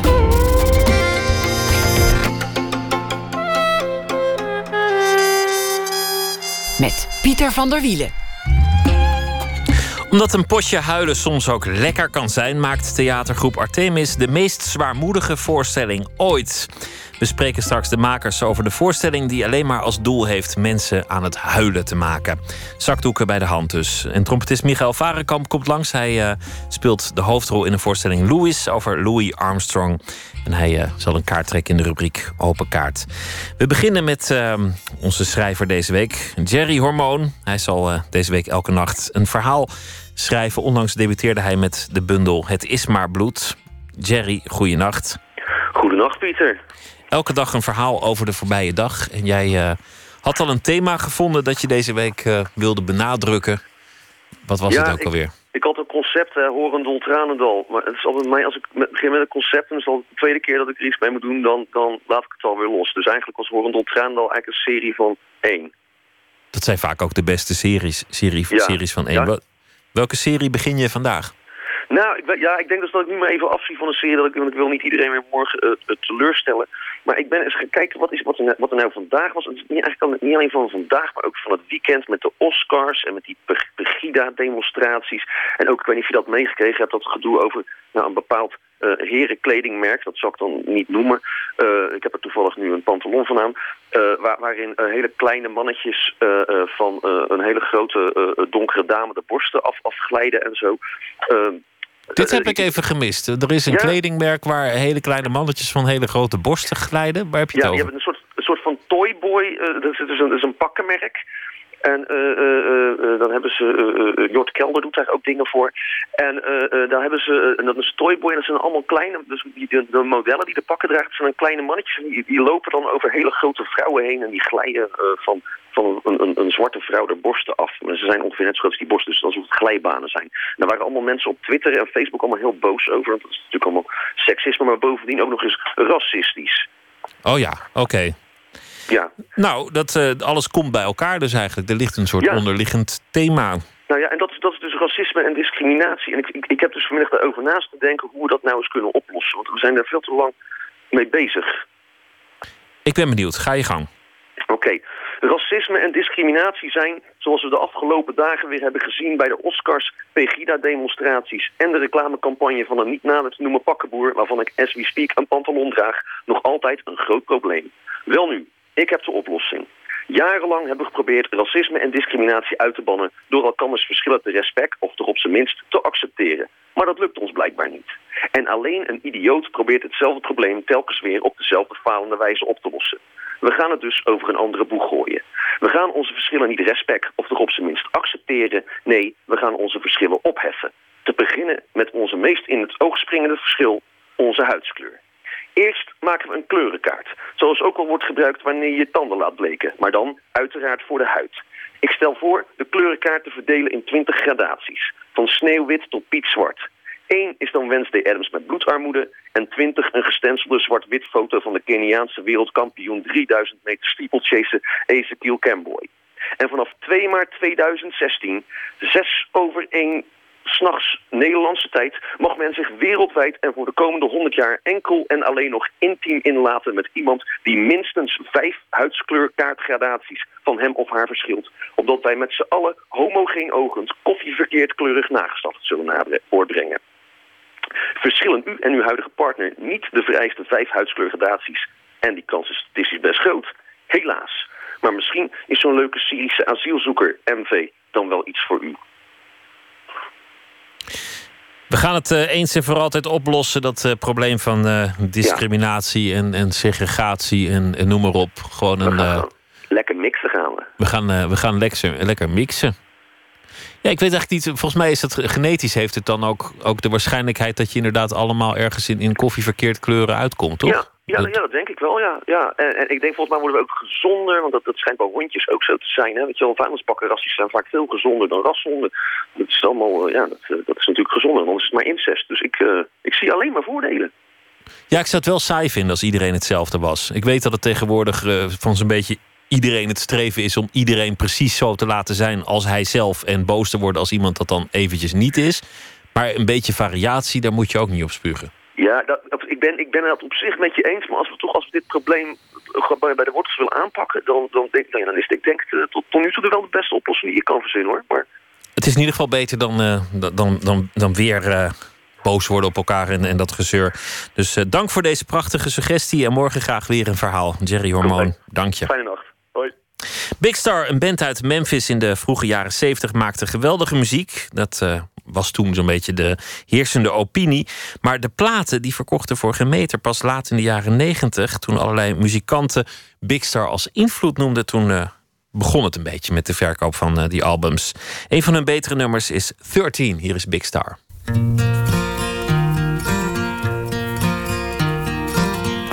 Won't you let me walk you home from school? Won't you let me meet you at the pool?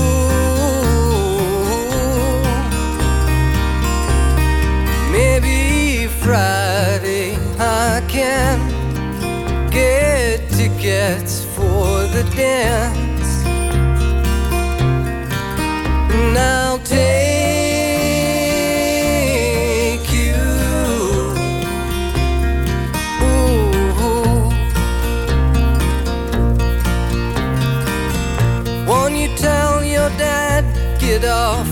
back? Tell him what we said about painted black.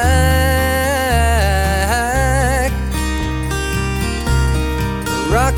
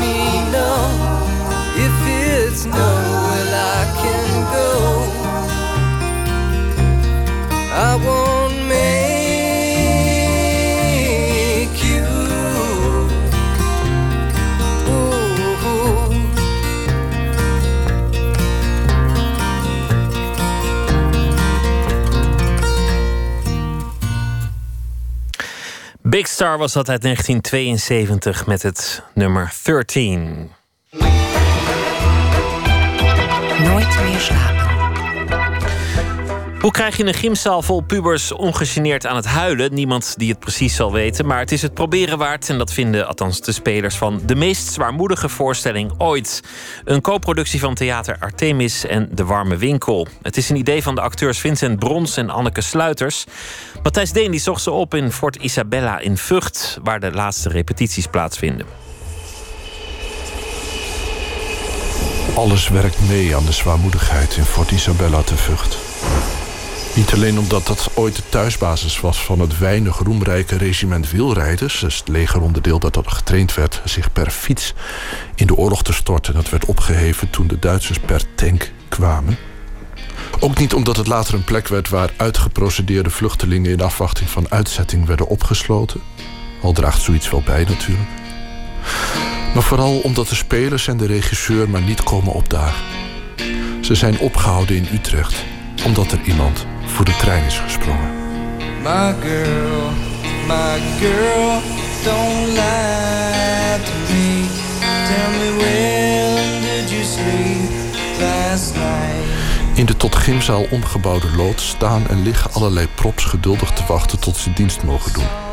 Afgedankte kandelaars, een portret van een huilend jongetje, een rolstoel. Producente Annemarie Geldhoff is in afwachting van de komst van de acteurs bezig om aan alle treurnis het hare toe te voegen. Met tranen aan het maken. Hoe dan? Ja, met eh lametta heet dat. Van die kerstversiering. En dan eh, leuke zilveren draadjes. Die kan je dan onder je ogen plakken. of- Precies, precies. Dan hel je ook.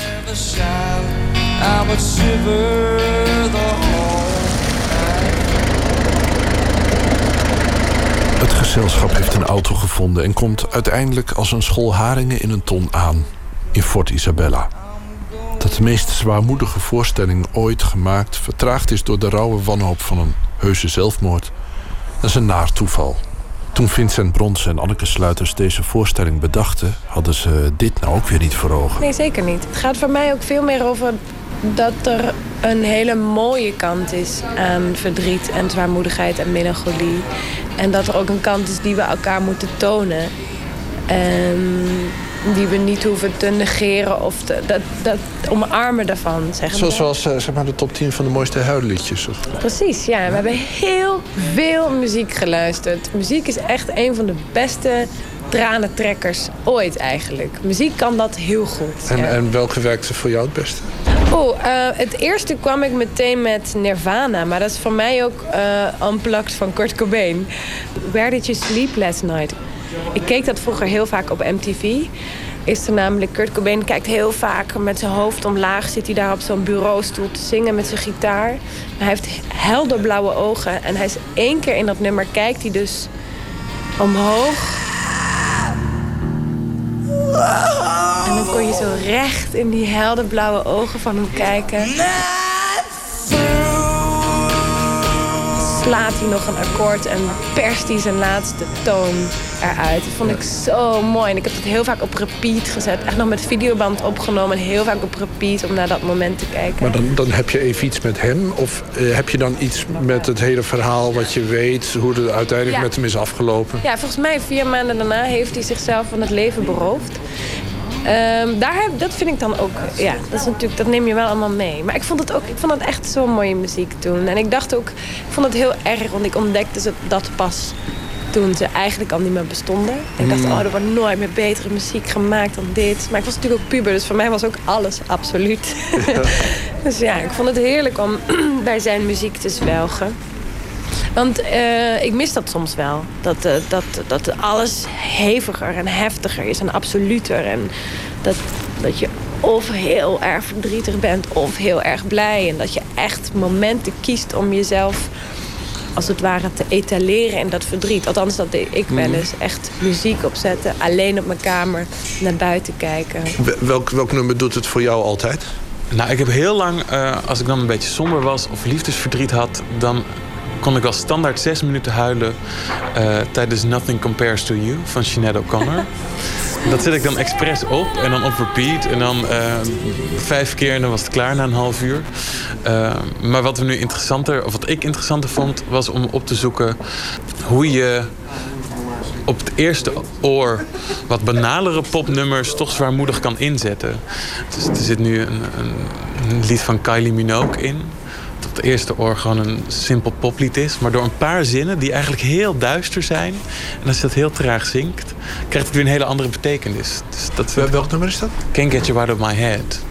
Waarin ze zingt over eh, eh, nou ja, ontsnappen uit een, eh, uit een hart. En hoor mijn verlangen. bevrijd me. Er zit toch ook een camp-element in, is niet? Absoluut, absoluut.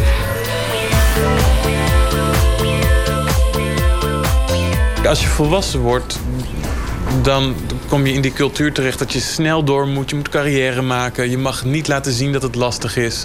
Het moet allemaal leuk zijn. Eh, en verdriet hou je voor jezelf. Dus dat wordt, eh, eh, naarmate je ouder wordt, een emotie die je wegstopt. En waar je geen tijd meer voor hebt. Dus voor ons, op onze leeftijd, is het nu heel erg fijn om even terug te gaan en daar ruimte voor te maken. Ik denk Eh, ook dat het voor de 13-plus ook moeilijk is om die ruimte echt te vinden voor verdriet. Ik denk ook dat zij ook al in een wereld leven waarin heel veel dingen op een andere manier geëtaleerd worden. Of vrolijker of beter of gelukkiger. Dus ik denk ook dat zij ehm, mogen ervaren dat het wel goed is om je kwetsbaar op te stellen. eh, en dat te zijn, dat het niet erg is. En dat je het verdriet soms gewoon aan elkaar moet tonen. De troost van de huilbui. Ja? Er is een stortbui geweest en... eh, Luchting of zo? Ja, inderdaad. Ik zat ook aan die opluchting te denken. Mensen mogen voor mij ook wel heel hard gaan lachen. Omdat ze zich misschien bevrijd voelen. En eh, voelen dat die somberheid of dat zware en dat zwelgen ook samen mag gaan met vrolijk door het leven gaan. En dat, het, eh, dat die twee uiterste hand in hand een basis vormen in het leven. Ja, nee, dat vind ik een hele goeie. Want het moet ook. Het moet hand in hand gaan. Er moet natuurlijk iets tegenover geluk staan. Er moet iets tegenover blijdschap staan.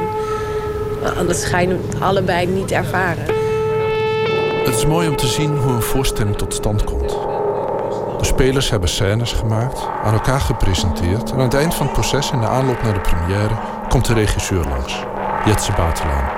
om de uiteindelijke voorstelling samen met de spelers in elkaar te zetten. Ja, maar dan moet hij daar gewoon mee beginnen of zo. Dat, dat, dat, dat, Dat het niet zo wordt aangekondigd. Nee, nee, nee, het moet niet aangekondigd worden. Nee, nee, nee, hij moet het in één keer doen. Dat weet ik wel. Wat doe jij nou? nou? Wat doe jij nou? Het komt opeens als een soort visioen. Kindertijd. Dat moet Oké, nou zijn. ja, dan laten we gewoon even... de- Dan klopt En dan wordt de eerste scène gespeeld. En veranderd. En opnieuw gespeeld. En dan nog een keer, tot het goed is. Zwaarmoedigheid, of anders gezegd melancholie, is taboe geworden in onze samenleving. Overal wordt ze weggestuurd. Ze is nergens meer welkom, maar wel bij ons. Wij gaan de melancholie binnenhalen. We gaan haar omarmen. We gaan haar kapot knuffelen. Lang leven melancholie!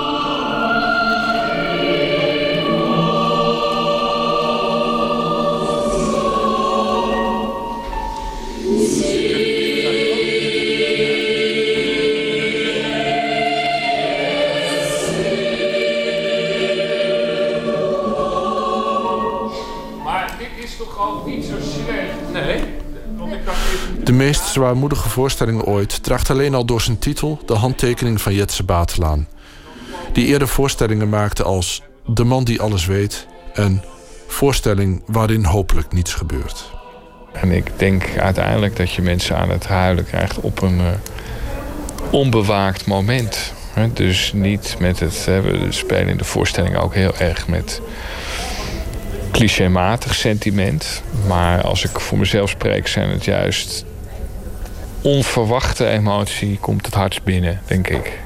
Ik heb voor jou de voorstelling gezien De Man Die Alles Weet. En daar wordt van tevoren een enorme verwachting geschapen. Het feit dat het heel anders uitpakt dan dat het wordt voorgeschoteld... dat is in feite eh, een van de grote eh, effecten van de voorstelling. Klopt. We hebben toch ook wel echt de oprechte ambitie om in ieder geval een piepklein deel van de torenhoge pretenties van de titel uh, waar te maken. Voor een publiek van, uh, van pubers? Dat is mijn lievelingspubliek. Omdat ze zo uh, ongegeneerd zijn. Omdat ze er eigenlijk niet zo op theater zitten te wachten. Dat vind ik al een heel prettig uitgangspunt van tevoren. Zij stellen zich in op een battle. En die moet je gewoon helemaal niet aangaan. Dus ik, eigenlijk hoe slapper, kwetsbaarder, breekbaarder, poëtischer je voorstelling is, hoe beter het werkt. Zoals jij inderdaad, of inderdaad een soort stoere hip-hop of weet ik veel wat, helemaal daarin.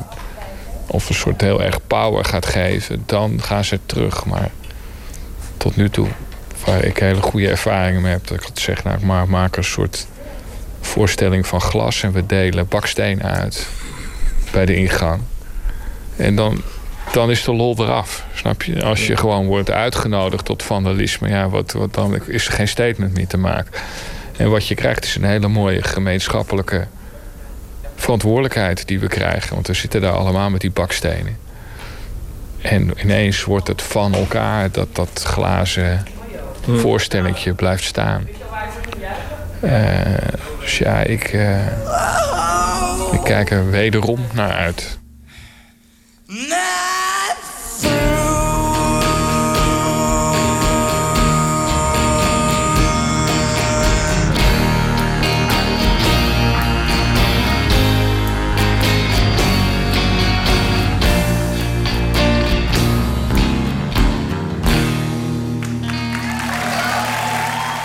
De meest zwaarmoedige voorstelling ooit gaat vanavond in première in Vught en daarna op tournee door het hele land.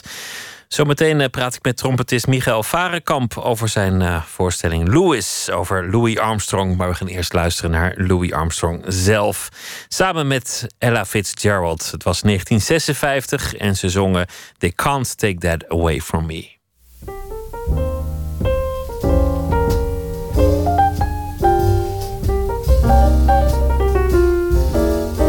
The way you wear your hat, the way you sip your tea, the memory of all that. No, no, they can't take that away from me. The way your smile just beams, the way you sing off key the way you haunt my dreams. No, no, they can't take that away from me.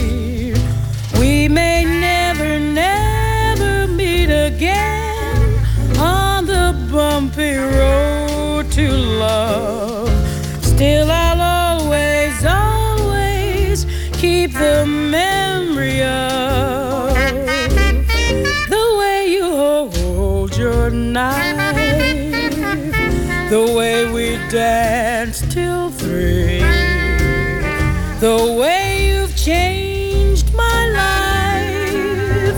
No, no, they can't take that away from me. No, they can't take that away from me. The way you wear your hat the way you sip your tea, the memory of all that. No, no, they can't take that away from me. The way your smile just beams, the way you sing off key, the way you haunt my dreams. No, no, they can't take that away from me. We may never, never meet again on the bumpy road to love. Still, I always, always keep the memory of yes, the way you hold your knife,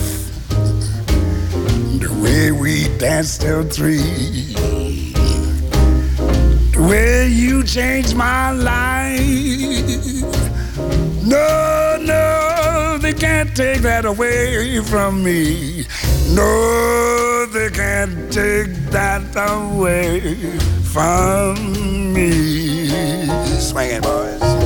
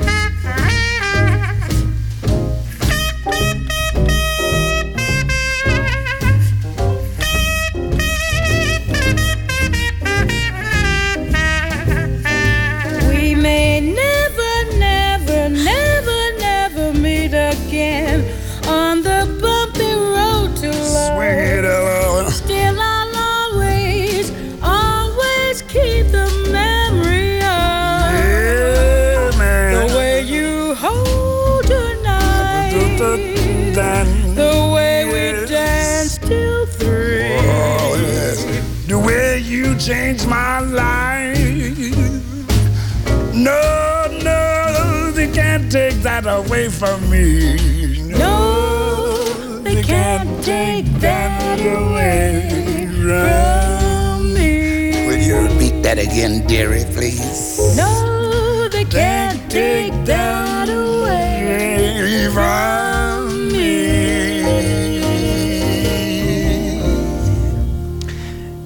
Ella Fitzgerald samen met Satchmo Louis Armstrong. Open kaart.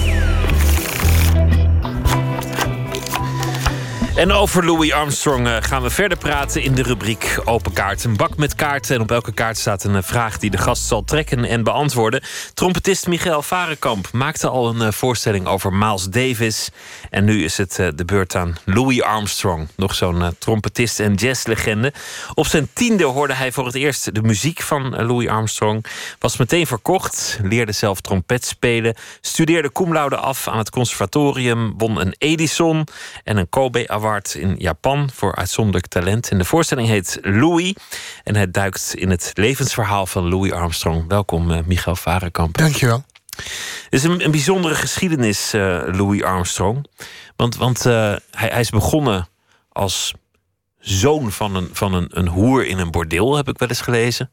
En hij hoorde voor het eerst jazzmuziek in die bordelen waar hij dan op het, op het plein moest, moest spelen. Is dat echt waar, dat verhaal? Ja, of wat in ieder geval wat ze toen eh, jazz noemden. Want eh, het- eigenlijk heeft hij de jazz min of meer wel uitgevonden. In ieder geval heeft hij het definitieve begin bepaald eigenlijk. Maar daarvoor was er al een soort jazzachtige muziek... die wel stevige wortels had in eh, ragtime. En dat werd gespeeld in die... in New die- Orleans. In die bordelen, precies. En daar komt ook de term jazz vandaan. Is een van de verklaringen. Dat, dat die pianisten zaten te spelen in die clubs. En als dan een vrouw een beetje te lang wegbleef met een man... dan zeiden ze tegen de pianist, ga spelen eens wat sneller. Jazz it up, man. Eh, en daarom wilden overigens later mensen zoals Miles en Duke Ellington... die wilden eigenlijk niks weten van de term jazz... omdat het zo'n verwijzing was naar, de, naar die bordeelgeschiedenis. Naar de afkomst van, van de Precies. jazz. Maar Louis, eh, dat was dus een van de invloeden. En de andere invloed was dat hij eh, heel veel eh, op straat muziek maakte. Dat hij zong voordat hij naar het weeshuis zou gaan. En toen heeft iemand op straat voor 1 dollar voor dat, dat ventje om hem om iets te doen te geven, een trompet gekocht. Dat is, dat is ook zo'n aspect van, van de legende. Ja, dat is, ja, precies. Er zijn ook eigenlijk verschillende verhalen over. Want eh, hij werd regelmatig opgevangen door de familie eh, Karnowski. Een Joodse familie. Die eh, erg met hem te doen hadden. Omdat hij zonder zijn vader was er sowieso vandoor. En omdat hij eigenlijk als een wees opgroeide. En die vingen hem op. En er is één verhaal dat. dat die ooit een trompet voor hem gekocht hebben. En een ander verhaal is dat hij, eh, toen hij op straat eh, aan het rondhangen was... eh, op Oudjaarsavond in 1912... een pistool vond en daar schoot hij mee in de lucht. En toen is hij opgepakt en toen moest hij naar het weeshuis. En daar kreeg hij een trompet in zijn handen geduwd. En toen hij vier jaar later eruit kwam... was hij eigenlijk in één keer de beste. Een echt Amerikaanse verhaal, een echte Amerikaanse droom. Want hij werd een legende, de grootste.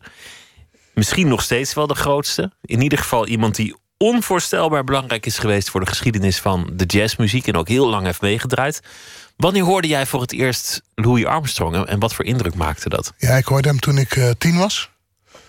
En ehm, dat was voor mij een, echt een ervaring dat ik muziek hoorde... dat ik dacht, eh, daar hoor ik ook bij. Dit is eh, voor mij bestemd. Het was een hele natural klik. Je kwam thuis, ik, als eh, het ware. Ja, ja, ik kwam zeker thuis. Ik was gelijk eh, verkocht eigenlijk. En het was eigenlijk extra opvallend... omdat ik eh, opgegroeid ben in een eh, witte omgeving... en in een klein dorp. En toen ik die muziek hoorde... dat was ook eigenlijk de eerste eh, zwarte cultuur... waar ik echt mee eh, in aanraking kwam. Dus het was voor jou ook een soort realiseren dat je, dat je een andere kleur had en dat er een andere cultuur was waar je misschien ook aansluiting bij kon vinden. Ja, ja, ja. Is, is het ook een verhaal ehm, dat een beetje vergelijkbaar is met het verhaal van, van eh, Louis Armstrong zelf? Namelijk het verhaal van iemand die zich dankzij zijn trompet een plek op aarde heeft eh, verworven? Mm, misschien wel. Het was wel een eh, belangrijk, belangrijk aspect. En ik speelde al wel trompet toen. Maar toen ik jazz hoorde, toen wilde ik het ook zelf gaan maken. En dat ben ik ook eigenlijk gelijk gaan proberen.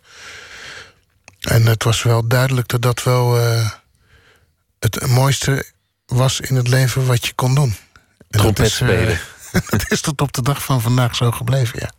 Wat is die magie van Louis Armstrong? Kun, kun je dat omschrijven? Wa- Wat maakt dat dat, eh, nou ja, zo lang na dato... sommige opnames die zijn, zijn echt al, al 75 jaar oud... Dat het, dat het nog steeds magisch is? Ehm, het heeft een enorme kracht over het algemeen. Het heeft een enorme vindingrijkheid. Het heeft enorme vrijheid, eh, expressie. Eh, maar er zijn eigenlijk drie periodes, hè, zou je kunnen zeggen. In de, de jaren twintig deed hij echt zijn baanbrekende uitvindingen... en zette hij echt de jazz op zijn plek. Hij bepaalde heel erg de richting van hoe het ging... Eh, want tot die tijd was, was jazz voornamelijk soort polyfone blaasmuziek. Dus er was helemaal, daarvoor, voor hem, was helemaal niet zoveel ruimte voor eh, persoonlijke expressie en voor zo benadering en voor een eh, echt persoonlijke frasering. Dat, eh, daar heeft hij echt eh, de standaard voor gezet. Ehm, evenals voor trompetspelen op dat, eh, op dat niveau.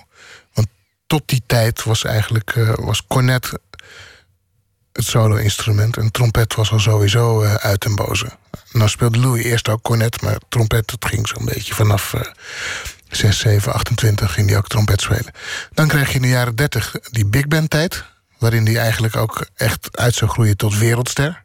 In de jaren 20 werd hij een ster in Amerika, maar in de jaren 30 een wereldster. Ehm, in, tijdens de big band era. Hij trok de hele wereld over. En toen werd zo een beetje begin jaren 40 ongeveer de bebop uitgevonden. Waardoor iedereen weer eh, in een kleine bezetting ging spelen. Dat, zou het einde betekenen van de big band era.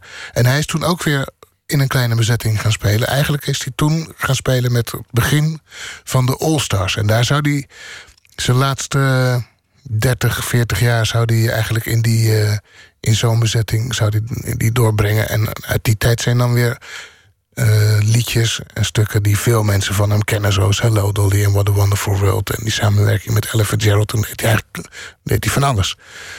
Maar die kracht en dat... eh, ik noem het wel eens dat granieten optimisme... dat eh, hoort echt bij hem. En ik denk ook dat hij daarom ook veel mensen raakte op die manier. En, en nog steeds, je hoort het nog steeds vaak op de radio, wat, wat natuurlijk prachtig en, en bijna onvoorstelbaar is, dat je muziek, liedjes van, van zo lang geleden nog op popzenders kunt horen langskomen. Het heeft enorme warmte. En ik denk ook ergens zo de realiteit van, eh, van de blues. Vandaag gaat het slecht, maar morgen wordt het beter. Dat hoor je altijd bij hem. Hij staat echt met één been in de blues. Laten we beginnen met eh, de kaart. Ik wil je vragen om eh, ergens halverwege deze bak een kaart eruit te vissen en, eh, en voor te lezen. Waarin ben je schaamteloos? Ehm, ik voel me eigenlijk op het podium eh, bijzonder eh, vrij om mijn eh, emoties te laten zien. Om jezelf te laten gaan? Om mezelf te laten gaan en om te kijken wat er, wat er te vinden is aan gevoelens en, en ideeën. Dat is natuurlijk ook iets wat, wat in, in de jazz heel erg geldt voor, voor de hele grote. Iemand als Miles Davis, over wie je net een voorstelling hebt gemaakt, die, die durfde ook echt op het podium in zijn muziek te verdwalen.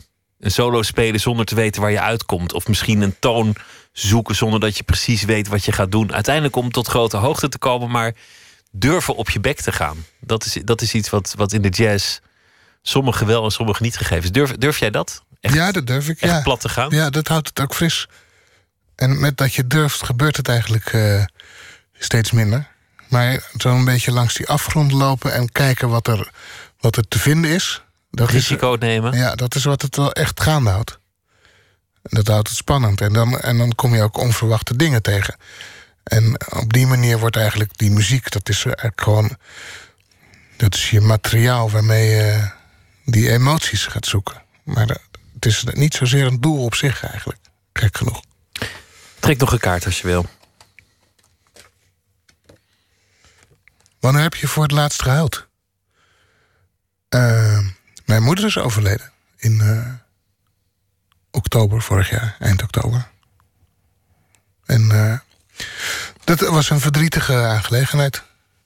Ze was eh 80, 81 bijna. En er zijn aardig wat jaren eh, qua dementie aan vooraf gegaan. En het was ook voor haar was het wel, het was ook tijd. Ik bedoel, ik gunde het haar ook wel. Maar het was eh, verdrietig. En het was ook de tweede ouder die stierf. Het is mijn, eh, betreft mijn adoptiemoeder.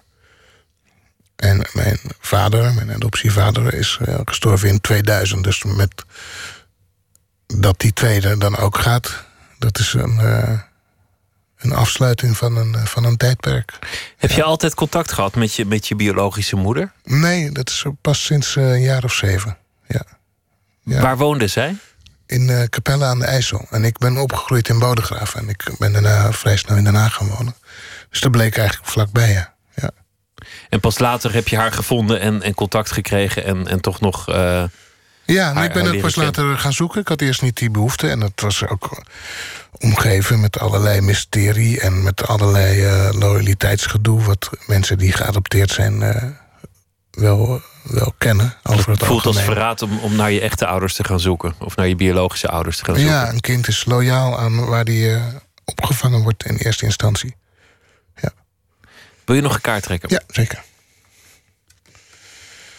Waar erger je je aan? Hm. Ehm,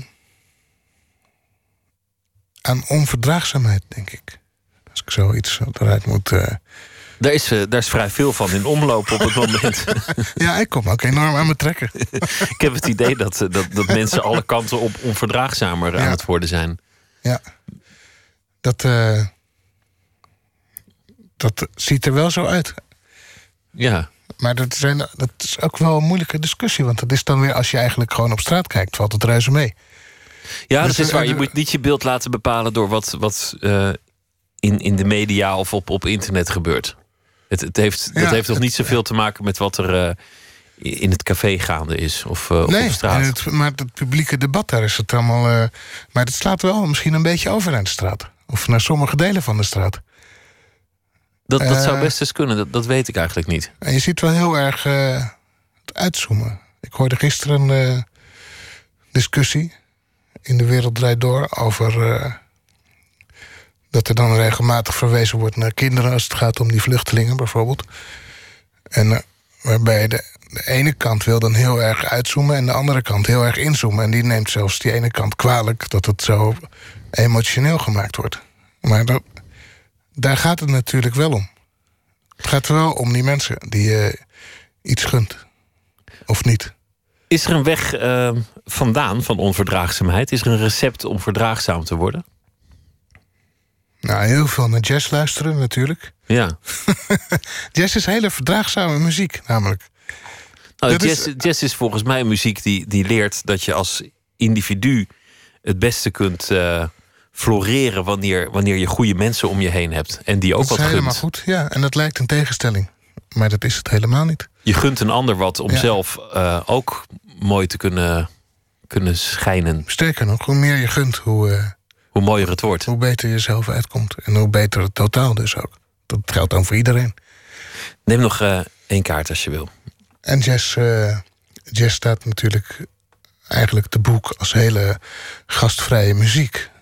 Dus de- toen de jazz ontstond, was er nog geen wereldmuziek. Het was gewoon jazz. Het was wel blues en country. En, eh, maar in de jazz kwamen die dingen ook echt samen. En dat gaat nog steeds door. Ik bedoel, de, de Arabische muziek Ja, en de jazz, dat, dat combineert prachtig. En, en eh, in Azië, Zuid-Amerika, het, het vindt allemaal zijn weg naar elkaar. Muziek is in die zin heel verdraagzaam. En dit hebben ze nog geprobeerd eh, te verbieden natuurlijk. Want in New Orleans was dan de enige plek... waar mensen van allerlei kleuren met elkaar speelden. In de jaren 10 en 20. Ehm, dat mocht op een gegeven moment niet meer. Er kwam er een wet die dat gewoon keihard eh, verbood. De segregatie werd ook Ja, in de jazz opgelegd. eh, ja, in 1926, meen ik. De laatste vraag. Welke klap kom je nooit te boven?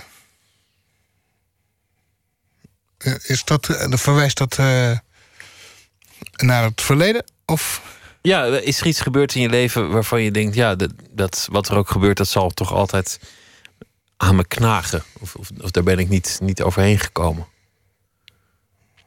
Ehm, ja, dat he- heb ik niet, geloof ik. Tot nu Ja. toe ben je altijd overal overheen gekomen. Ja, je maakt van alles mee en dat, eh, dat vormt je natuurlijk. En eh, dat maakt ook dat je bepaalde keuzes maakt en dat je bepaalde ervaringen eh, krijgt en meedraagt. Maar nee, het is niet. eh, het is nog niet onoverkomelijk gebleken. Gelukkig maar. Ja. Ik wens je heel veel succes met eh, de voorstelling Louis. En eh, ook heel veel plezier met de andere dingen die je gaat doen. Michael Varenkamp, dank je wel. Dankjewel. Vrijdag 18 maart is eh, de eerste voorstelling van eh, Louis. En eh, daarna gaan ze op tournee. Andrew Weatherall was in de jaren 80 al muzikant, DJ, producer en platenbaas. In 2016 maakte hij nog altijd muziek. Deze week verscheen een plaat Convenanza. En dat is zijn eerste album in heel veel jaren. Daarvan draaien wij Disappear.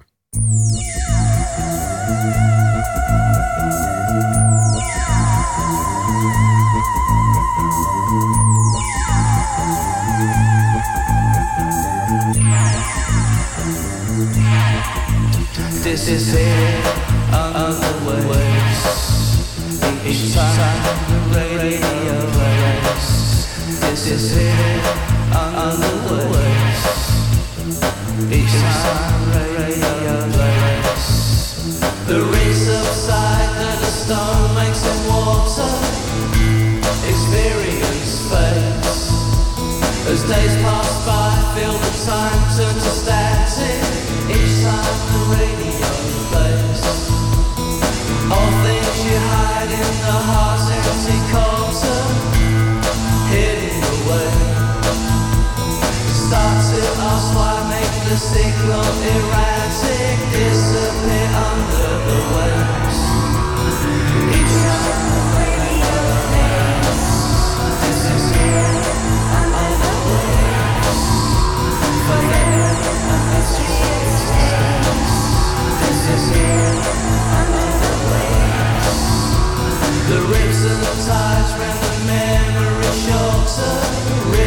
all over your face.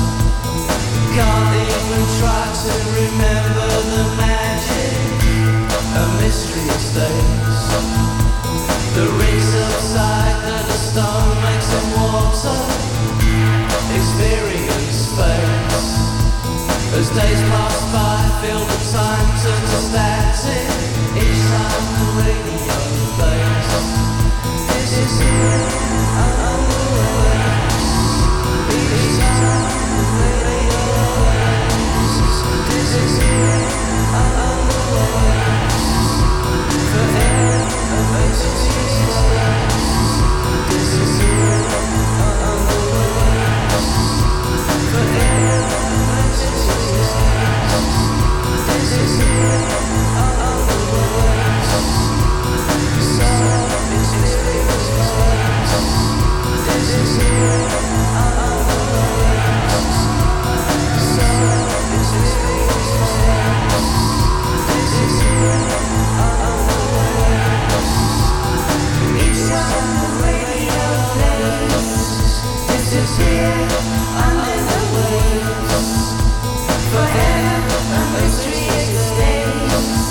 This is here.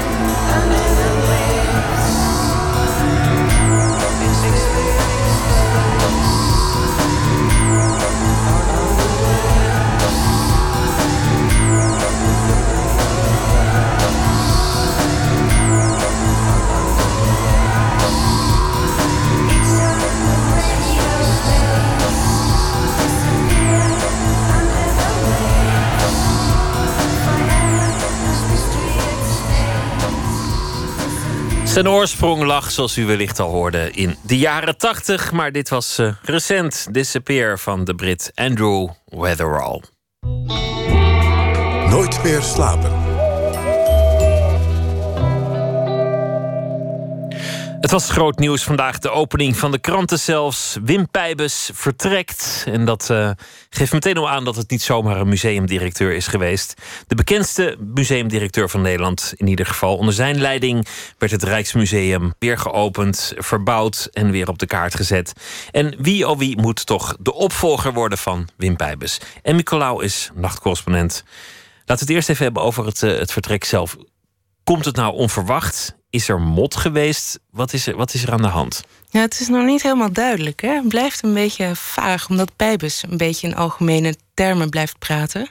En de mensen zeggen: we respecteren dit besluit en we begrijpen het wel, maar wat er nou precies aan de hand is, had hij gewoon zin in iets anders? Was hij moe?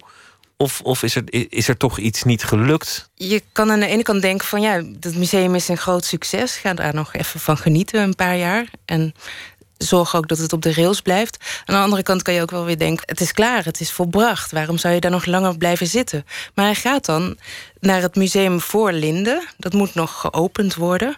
Dat is van uh, Joop van Kaldenborg, uh, miljonair... die zijn eigen museum gaat openen. En men had toch ook wel verwacht dat hij naar Londen of New York... of ergens internationaal iets heel groots zou gaan doen... Maar het kan ook weer, hij houdt van Pietje Bel. Misschien is het een Pietje Bel-actie. Hij verklaarde zijn vertrek bij de NOS als volgt. Meer dan 2,5 miljoen bezoekers uh, per jaar, 2,4 miljoen afgelopen jaar. Het gaat goed met het Rijksmuseum. En het wordt dus ook tijd om eens te kijken of er iemand anders dit prachtige huis uh, verder kan opstoten in de vaart der volkeren. Het is een beetje alsof je op een feestje zegt: uh, nu is het gezellig, nu ga ik naar huis. Dat, dat is ook wel verstandig. Nu gaat het goed nu moet iemand anders het maar gaan doen. Dan uh, wordt er meteen gespeculeerd wie dat Lijstjes. zou kunnen zijn. Ja, wie worden er uh, genoemd? Ja, meteen. uh, Dat is dan genoemd met een hoofdletter natuurlijk. Overal meteen lijstjes. Over het algemeen wordt genoemd Taco Dibbit. Dat is de afgelopen jaren de rechterhand geweest. Eigenlijk de inhoudelijke kenner. Die zou dus wel eens een plaatsje op kunnen schuiven. Die wilde in 2008 ook al heel graag, maar die verloor het van Pijbus. Emily Gordenker, wordt genoemd, van het Mauritshuis, Charles X van het Boymans. En ook veel genoemd Axel Ruger van het Van Gogh Museum. Anne de Meester, dat is de directeur van het Frans Hals Museum en de Halle in Haarlem. Zij zegt zelf heel direct: Ik heb absoluut geen interesse. Maar ze geeft wel een omschrijving van wat die nieuwe directeur nou zou moeten kunnen. Bij welk museum je nu ook denkt over een toekomstige of andere directeur, denk je dat er een soort schaap met vijf poten moet zijn? Het moet zowel manager zijn als inspirator, als charismatisch leider, als iemand die inhoudelijk verstand heeft, als een soort relatiebeheerder. Maar ik denk eigenlijk misschien bij het Rijksmuseum is dat charismatische een van de allerbelangrijkste dingen. Ja, en dat charisma en die term manager, dat heb ik van meer mensen gehoord. Sandra Smallenburg, dat is de kunstverslaggever van NRC... en zij volgde het werk van Pijpus natuurlijk heel erg goed de afgelopen jaren. Die zei dit. Ik denk dat het zo'n nieuwe directeur en een, een hele goede manager moet zijn. Het is een gigantisch bedrijf, het Rijksmuseum. Dus ik denk ook dat, ja, dat je niet zozeer een, een, uh, een echte specialist nodig hebt... die alles van de 17e eeuw of alles van Vermeer uh, weet. Maar meer een generalist. Ja, een manager, een generalist, een charismatisch man. Wat ik niet hoor is dat je heel veel verstand van kunst moet hebben zozeer. Nee, dat viel mij ook op in de eerste instantie. En ik vond het eigenlijk nog niet eens zo'n hele rare gedachte. Je hebt ook uh, mensen die helemaal niks van uh, zorg weten... en die wel de directeur van een ziekenhuis zijn. Dus ja, maar is... daar, daar hoor ik ook veel ergernis over. Dat, dat iedereen maar directeur van alles wordt... zonder ooit ergens iets inhoudelijk van af te weten. Dus ik denk toch wel dat, dat het binnen de kunstwereld gezocht zal worden. Ja, ik was ook wel opgelucht om te horen dat de mensen die ik sprak... die zeiden allemaal, nee, nee, nee, dat is absoluut niet de bedoeling. Visie is echt extreem belangrijk. En Sandra Smallenburg van NRC die benadrukt ook... dat het gewoon helemaal niet zal werken, zo iemand. Nee, je moet natuurlijk wel affiniteit met kunst hebben. En je moet ook uh, een goed netwerk hebben. En uh, dat betekent dus dat je wel in de museale wereld... heel goede contacten hebt met met name de, de andere grote spelers... Ja, we zijn dus eigenlijk een beetje. Ik probeer een beetje profiel te maken. Ja, hè? we zijn een profiel aan het maken. Ja, een beetje we een vacature. We zoeken iemand die charismatisch is, een generalist, een kunstkenner en een manager. Ja, en toen vroeg ik me af van... misschien is het goed om een beetje iemand voor de rust... die gewoon dit voort gaat zetten... die het, werk, het goede werk van Wim Pijbus gewoon ja, afmaakt... daar niet te veel aan gaat tunen... en andere koersen in gaat slaan... en Iemand met een- stempel erop een- drukken. Een klein ego. Ja, een klein ego. Dat leek me wel goed. Maar eh, zowel Smallenburg als eh Anne de Meester... maar ook Volkskrant kunstcritica Wieteke van, van die achten dat hoogst onwaarschijnlijk dat dat gebeurt. Ik kan me eigenlijk geen museum eh, bedenken dat een directeur heeft die rust in de tent brengt. Eigenlijk elke museumdirecteur, dat is al van oudsher toen de eerste musea ontstonden, dat zijn, dat zijn mensen met karakter. Dat zijn ook mensen die hun stempel willen drukken. Museumdirecteuren hebben dus een bepaald soort karakter, hoor ik hier. Ja, En, en wat, wat is dat karakter? Is dat ijdelheid? Is dat het woord dat ze, dat ze zocht? Of, ja, dat is wel wat Wim Pijpers natuurlijk. Hij is heel veel geprezen, maar hij werd ook altijd wel een beetje ijdelheid verweten met zijn optredens in de wereldrijd door en, En het schudden voor de nachtwacht met Obama en Ja, ik vind, ik vind het ook altijd een moeilijk verwijt hoor, ijdelheid. Als iemand veel presteert, dan, dan heeft hij toch ook zijn motivatie ergens vandaan nodig. Dan vind ik ijdelheid, ik weet niet, ik vind niet het, het nuttigste verwijt. Nee, dus misschien is juist, eh, je kan het ook tegenovergesteld zien. Misschien is het juist wel heel goed als je een beetje ijdel bent. Sandra Smallenburg vindt in ieder geval van wel. Ja, een tikkeltje ijdel is kan geen kwaad bij dit soort topfuncties eh, in de museumwereld. Dat zie je sowieso wel vaak bij museumdirecteuren, vind ik hoor. Dat ze een tikkeltje ijdel zijn en eh, ja, een beetje eigen gereid. En, en, en soms lak hebben aan dingen. En, en, eh, dat vind ik eigenlijk best een goede eigenschap, ja. Nou, als we dan toch een profiel aan het maken zijn, dan eh, moeten we ook de diversiteit eh, eh, in, in het oog houden. Een vrouw als directeur van het Rijksmuseum, dat, dat zou toch wel moeten kunnen? Die kans is misschien niet eens zo heel klein. Internationaal is echt een mannenwereld. Ik heb nog eventjes eh, eh, nagekeken, maar ik kan me eigenlijk geen groot museum met een eh, oude meesterscollectie bedenken. Op het Kunsthistorisch Museum in Wenen na, daar zit Sabine Haag als directeur, waar een vrouw aan het roer staat. Dus het is natuurlijk heel bijzonder als dat wel zou gebeuren. Dat gezegd hebbende, hebben we best wel een bijzonder land, want de museumsituatie in Nederland is heel anders. Ik geloof dat er in Nederland wel tien of elf musea zijn met vrouwen eh, als directeur. En dat zijn niet de minste musea. Dat zijn het Mauritshuis, het Frans Hals Museum, we hebben het Kruller-Müller Museum, de Kunsthal, de Vleeshal in Middelburg. Er zijn veel eh, vrouwelijke museumdirecteuren. Dus dat, eh, wat dat betreft is er in Nederland eh, een hele andere balans dan in het buitenland. Oké, nou, mochten er eh, mensen onder onze luisteraars zitten die denken: God, dat kan ik wel. Ik ga het Rijksmuseum leiden. Dan eh, sturen ze maar een open sollicitatiebrief. Ja, en bij eh, gelijke geschiktheid dan een vrouw natuurlijk. En Nicolaou, dankjewel. Goeienacht. Hij was eh, acht en toen ontmoette hij Blind Lemon Jefferson op een eh, picknick georganiseerd door de kerk. En daarna stond zijn leven helemaal in, de, in het teken van de blues. Ik heb het over Lightning Hopkins. In 1946 eh, begonnen met het maken van platen. Pas beroemd geworden in de jaren 60. En dit nummer voerde hij uit in 1966. I'm a Crawling Black Snake.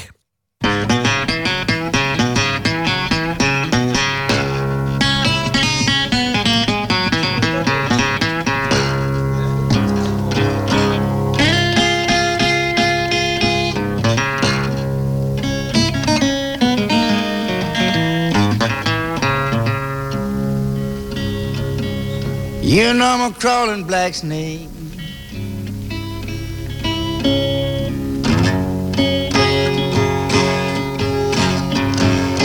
A lot of these women like to cross Pool Lightning Trail.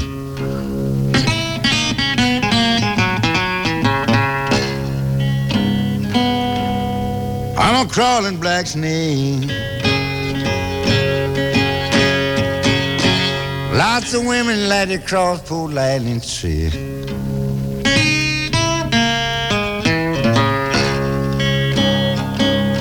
Well, they know that I don't make no jokes. Any trail they cross, they know they don't feel. You know that crawling black snake crawled a long way just to see a woman.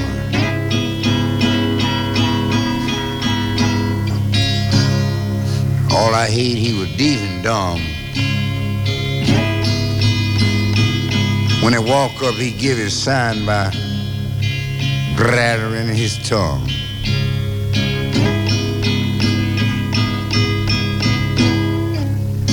But that was a warning, stay back, cause you may get bit.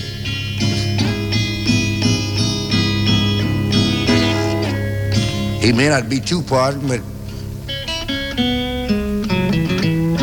you may not be fit.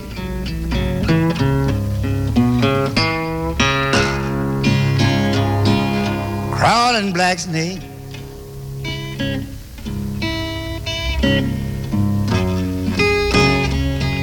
One snake a dodging that, the one they call the key.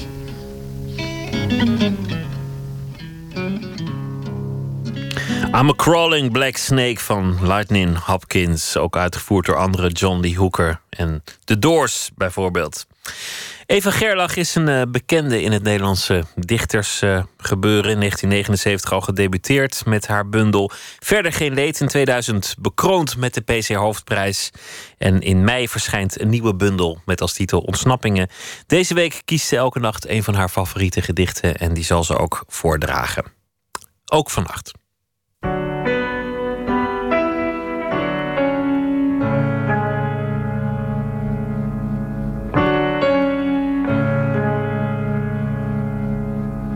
Gedicht van Fritsie Harmsen ten Beek. Leven en dood zijn onafscheidelijke kameraden. Dat heb ik nauwelijks ergens zo teder en rauw, of troostender, of gekker verwoord gezien als in dit gedicht. Goedemorgen, hemelse mevrouw Ping. Is u de zachte nacht bevallen? Hebben de ondeugende geheimzinnige planten naar behoren gegeurd?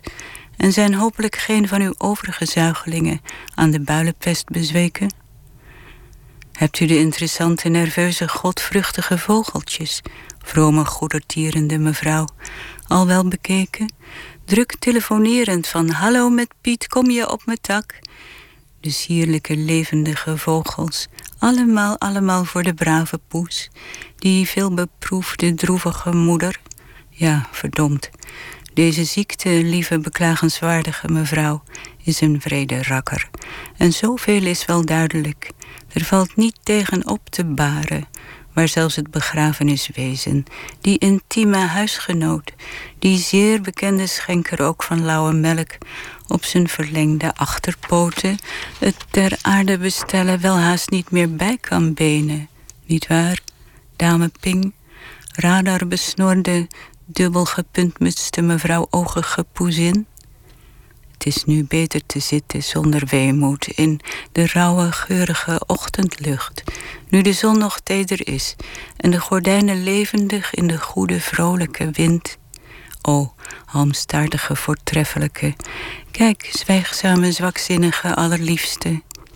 Er loopt een belangwekkend, heel klein, maar bijzonder lekker beestje tussen de kiezelstenen, onder de hemelsblauwe hortensia aan mijn neerslachtige poes, ter vertroosting bij het overlijden van zijn gebroed. Een titeloos gedicht van Fritsie Harmsen ten Beek, uitgekozen en voorgedragen door Eva Gerlach. Morgen in Nooit meer slaper thrillerschrijver Charles de Tex over zijn nieuwe boek Bot. Voor nu een hele goede nacht en straks kunt u luisteren naar Nog Steeds Wakker van WNL. En die gaan het hebben over Super Tuesday, want de uitslagen stromen binnen. Goeienacht. Op Radio 1, het nieuws van alle kanten.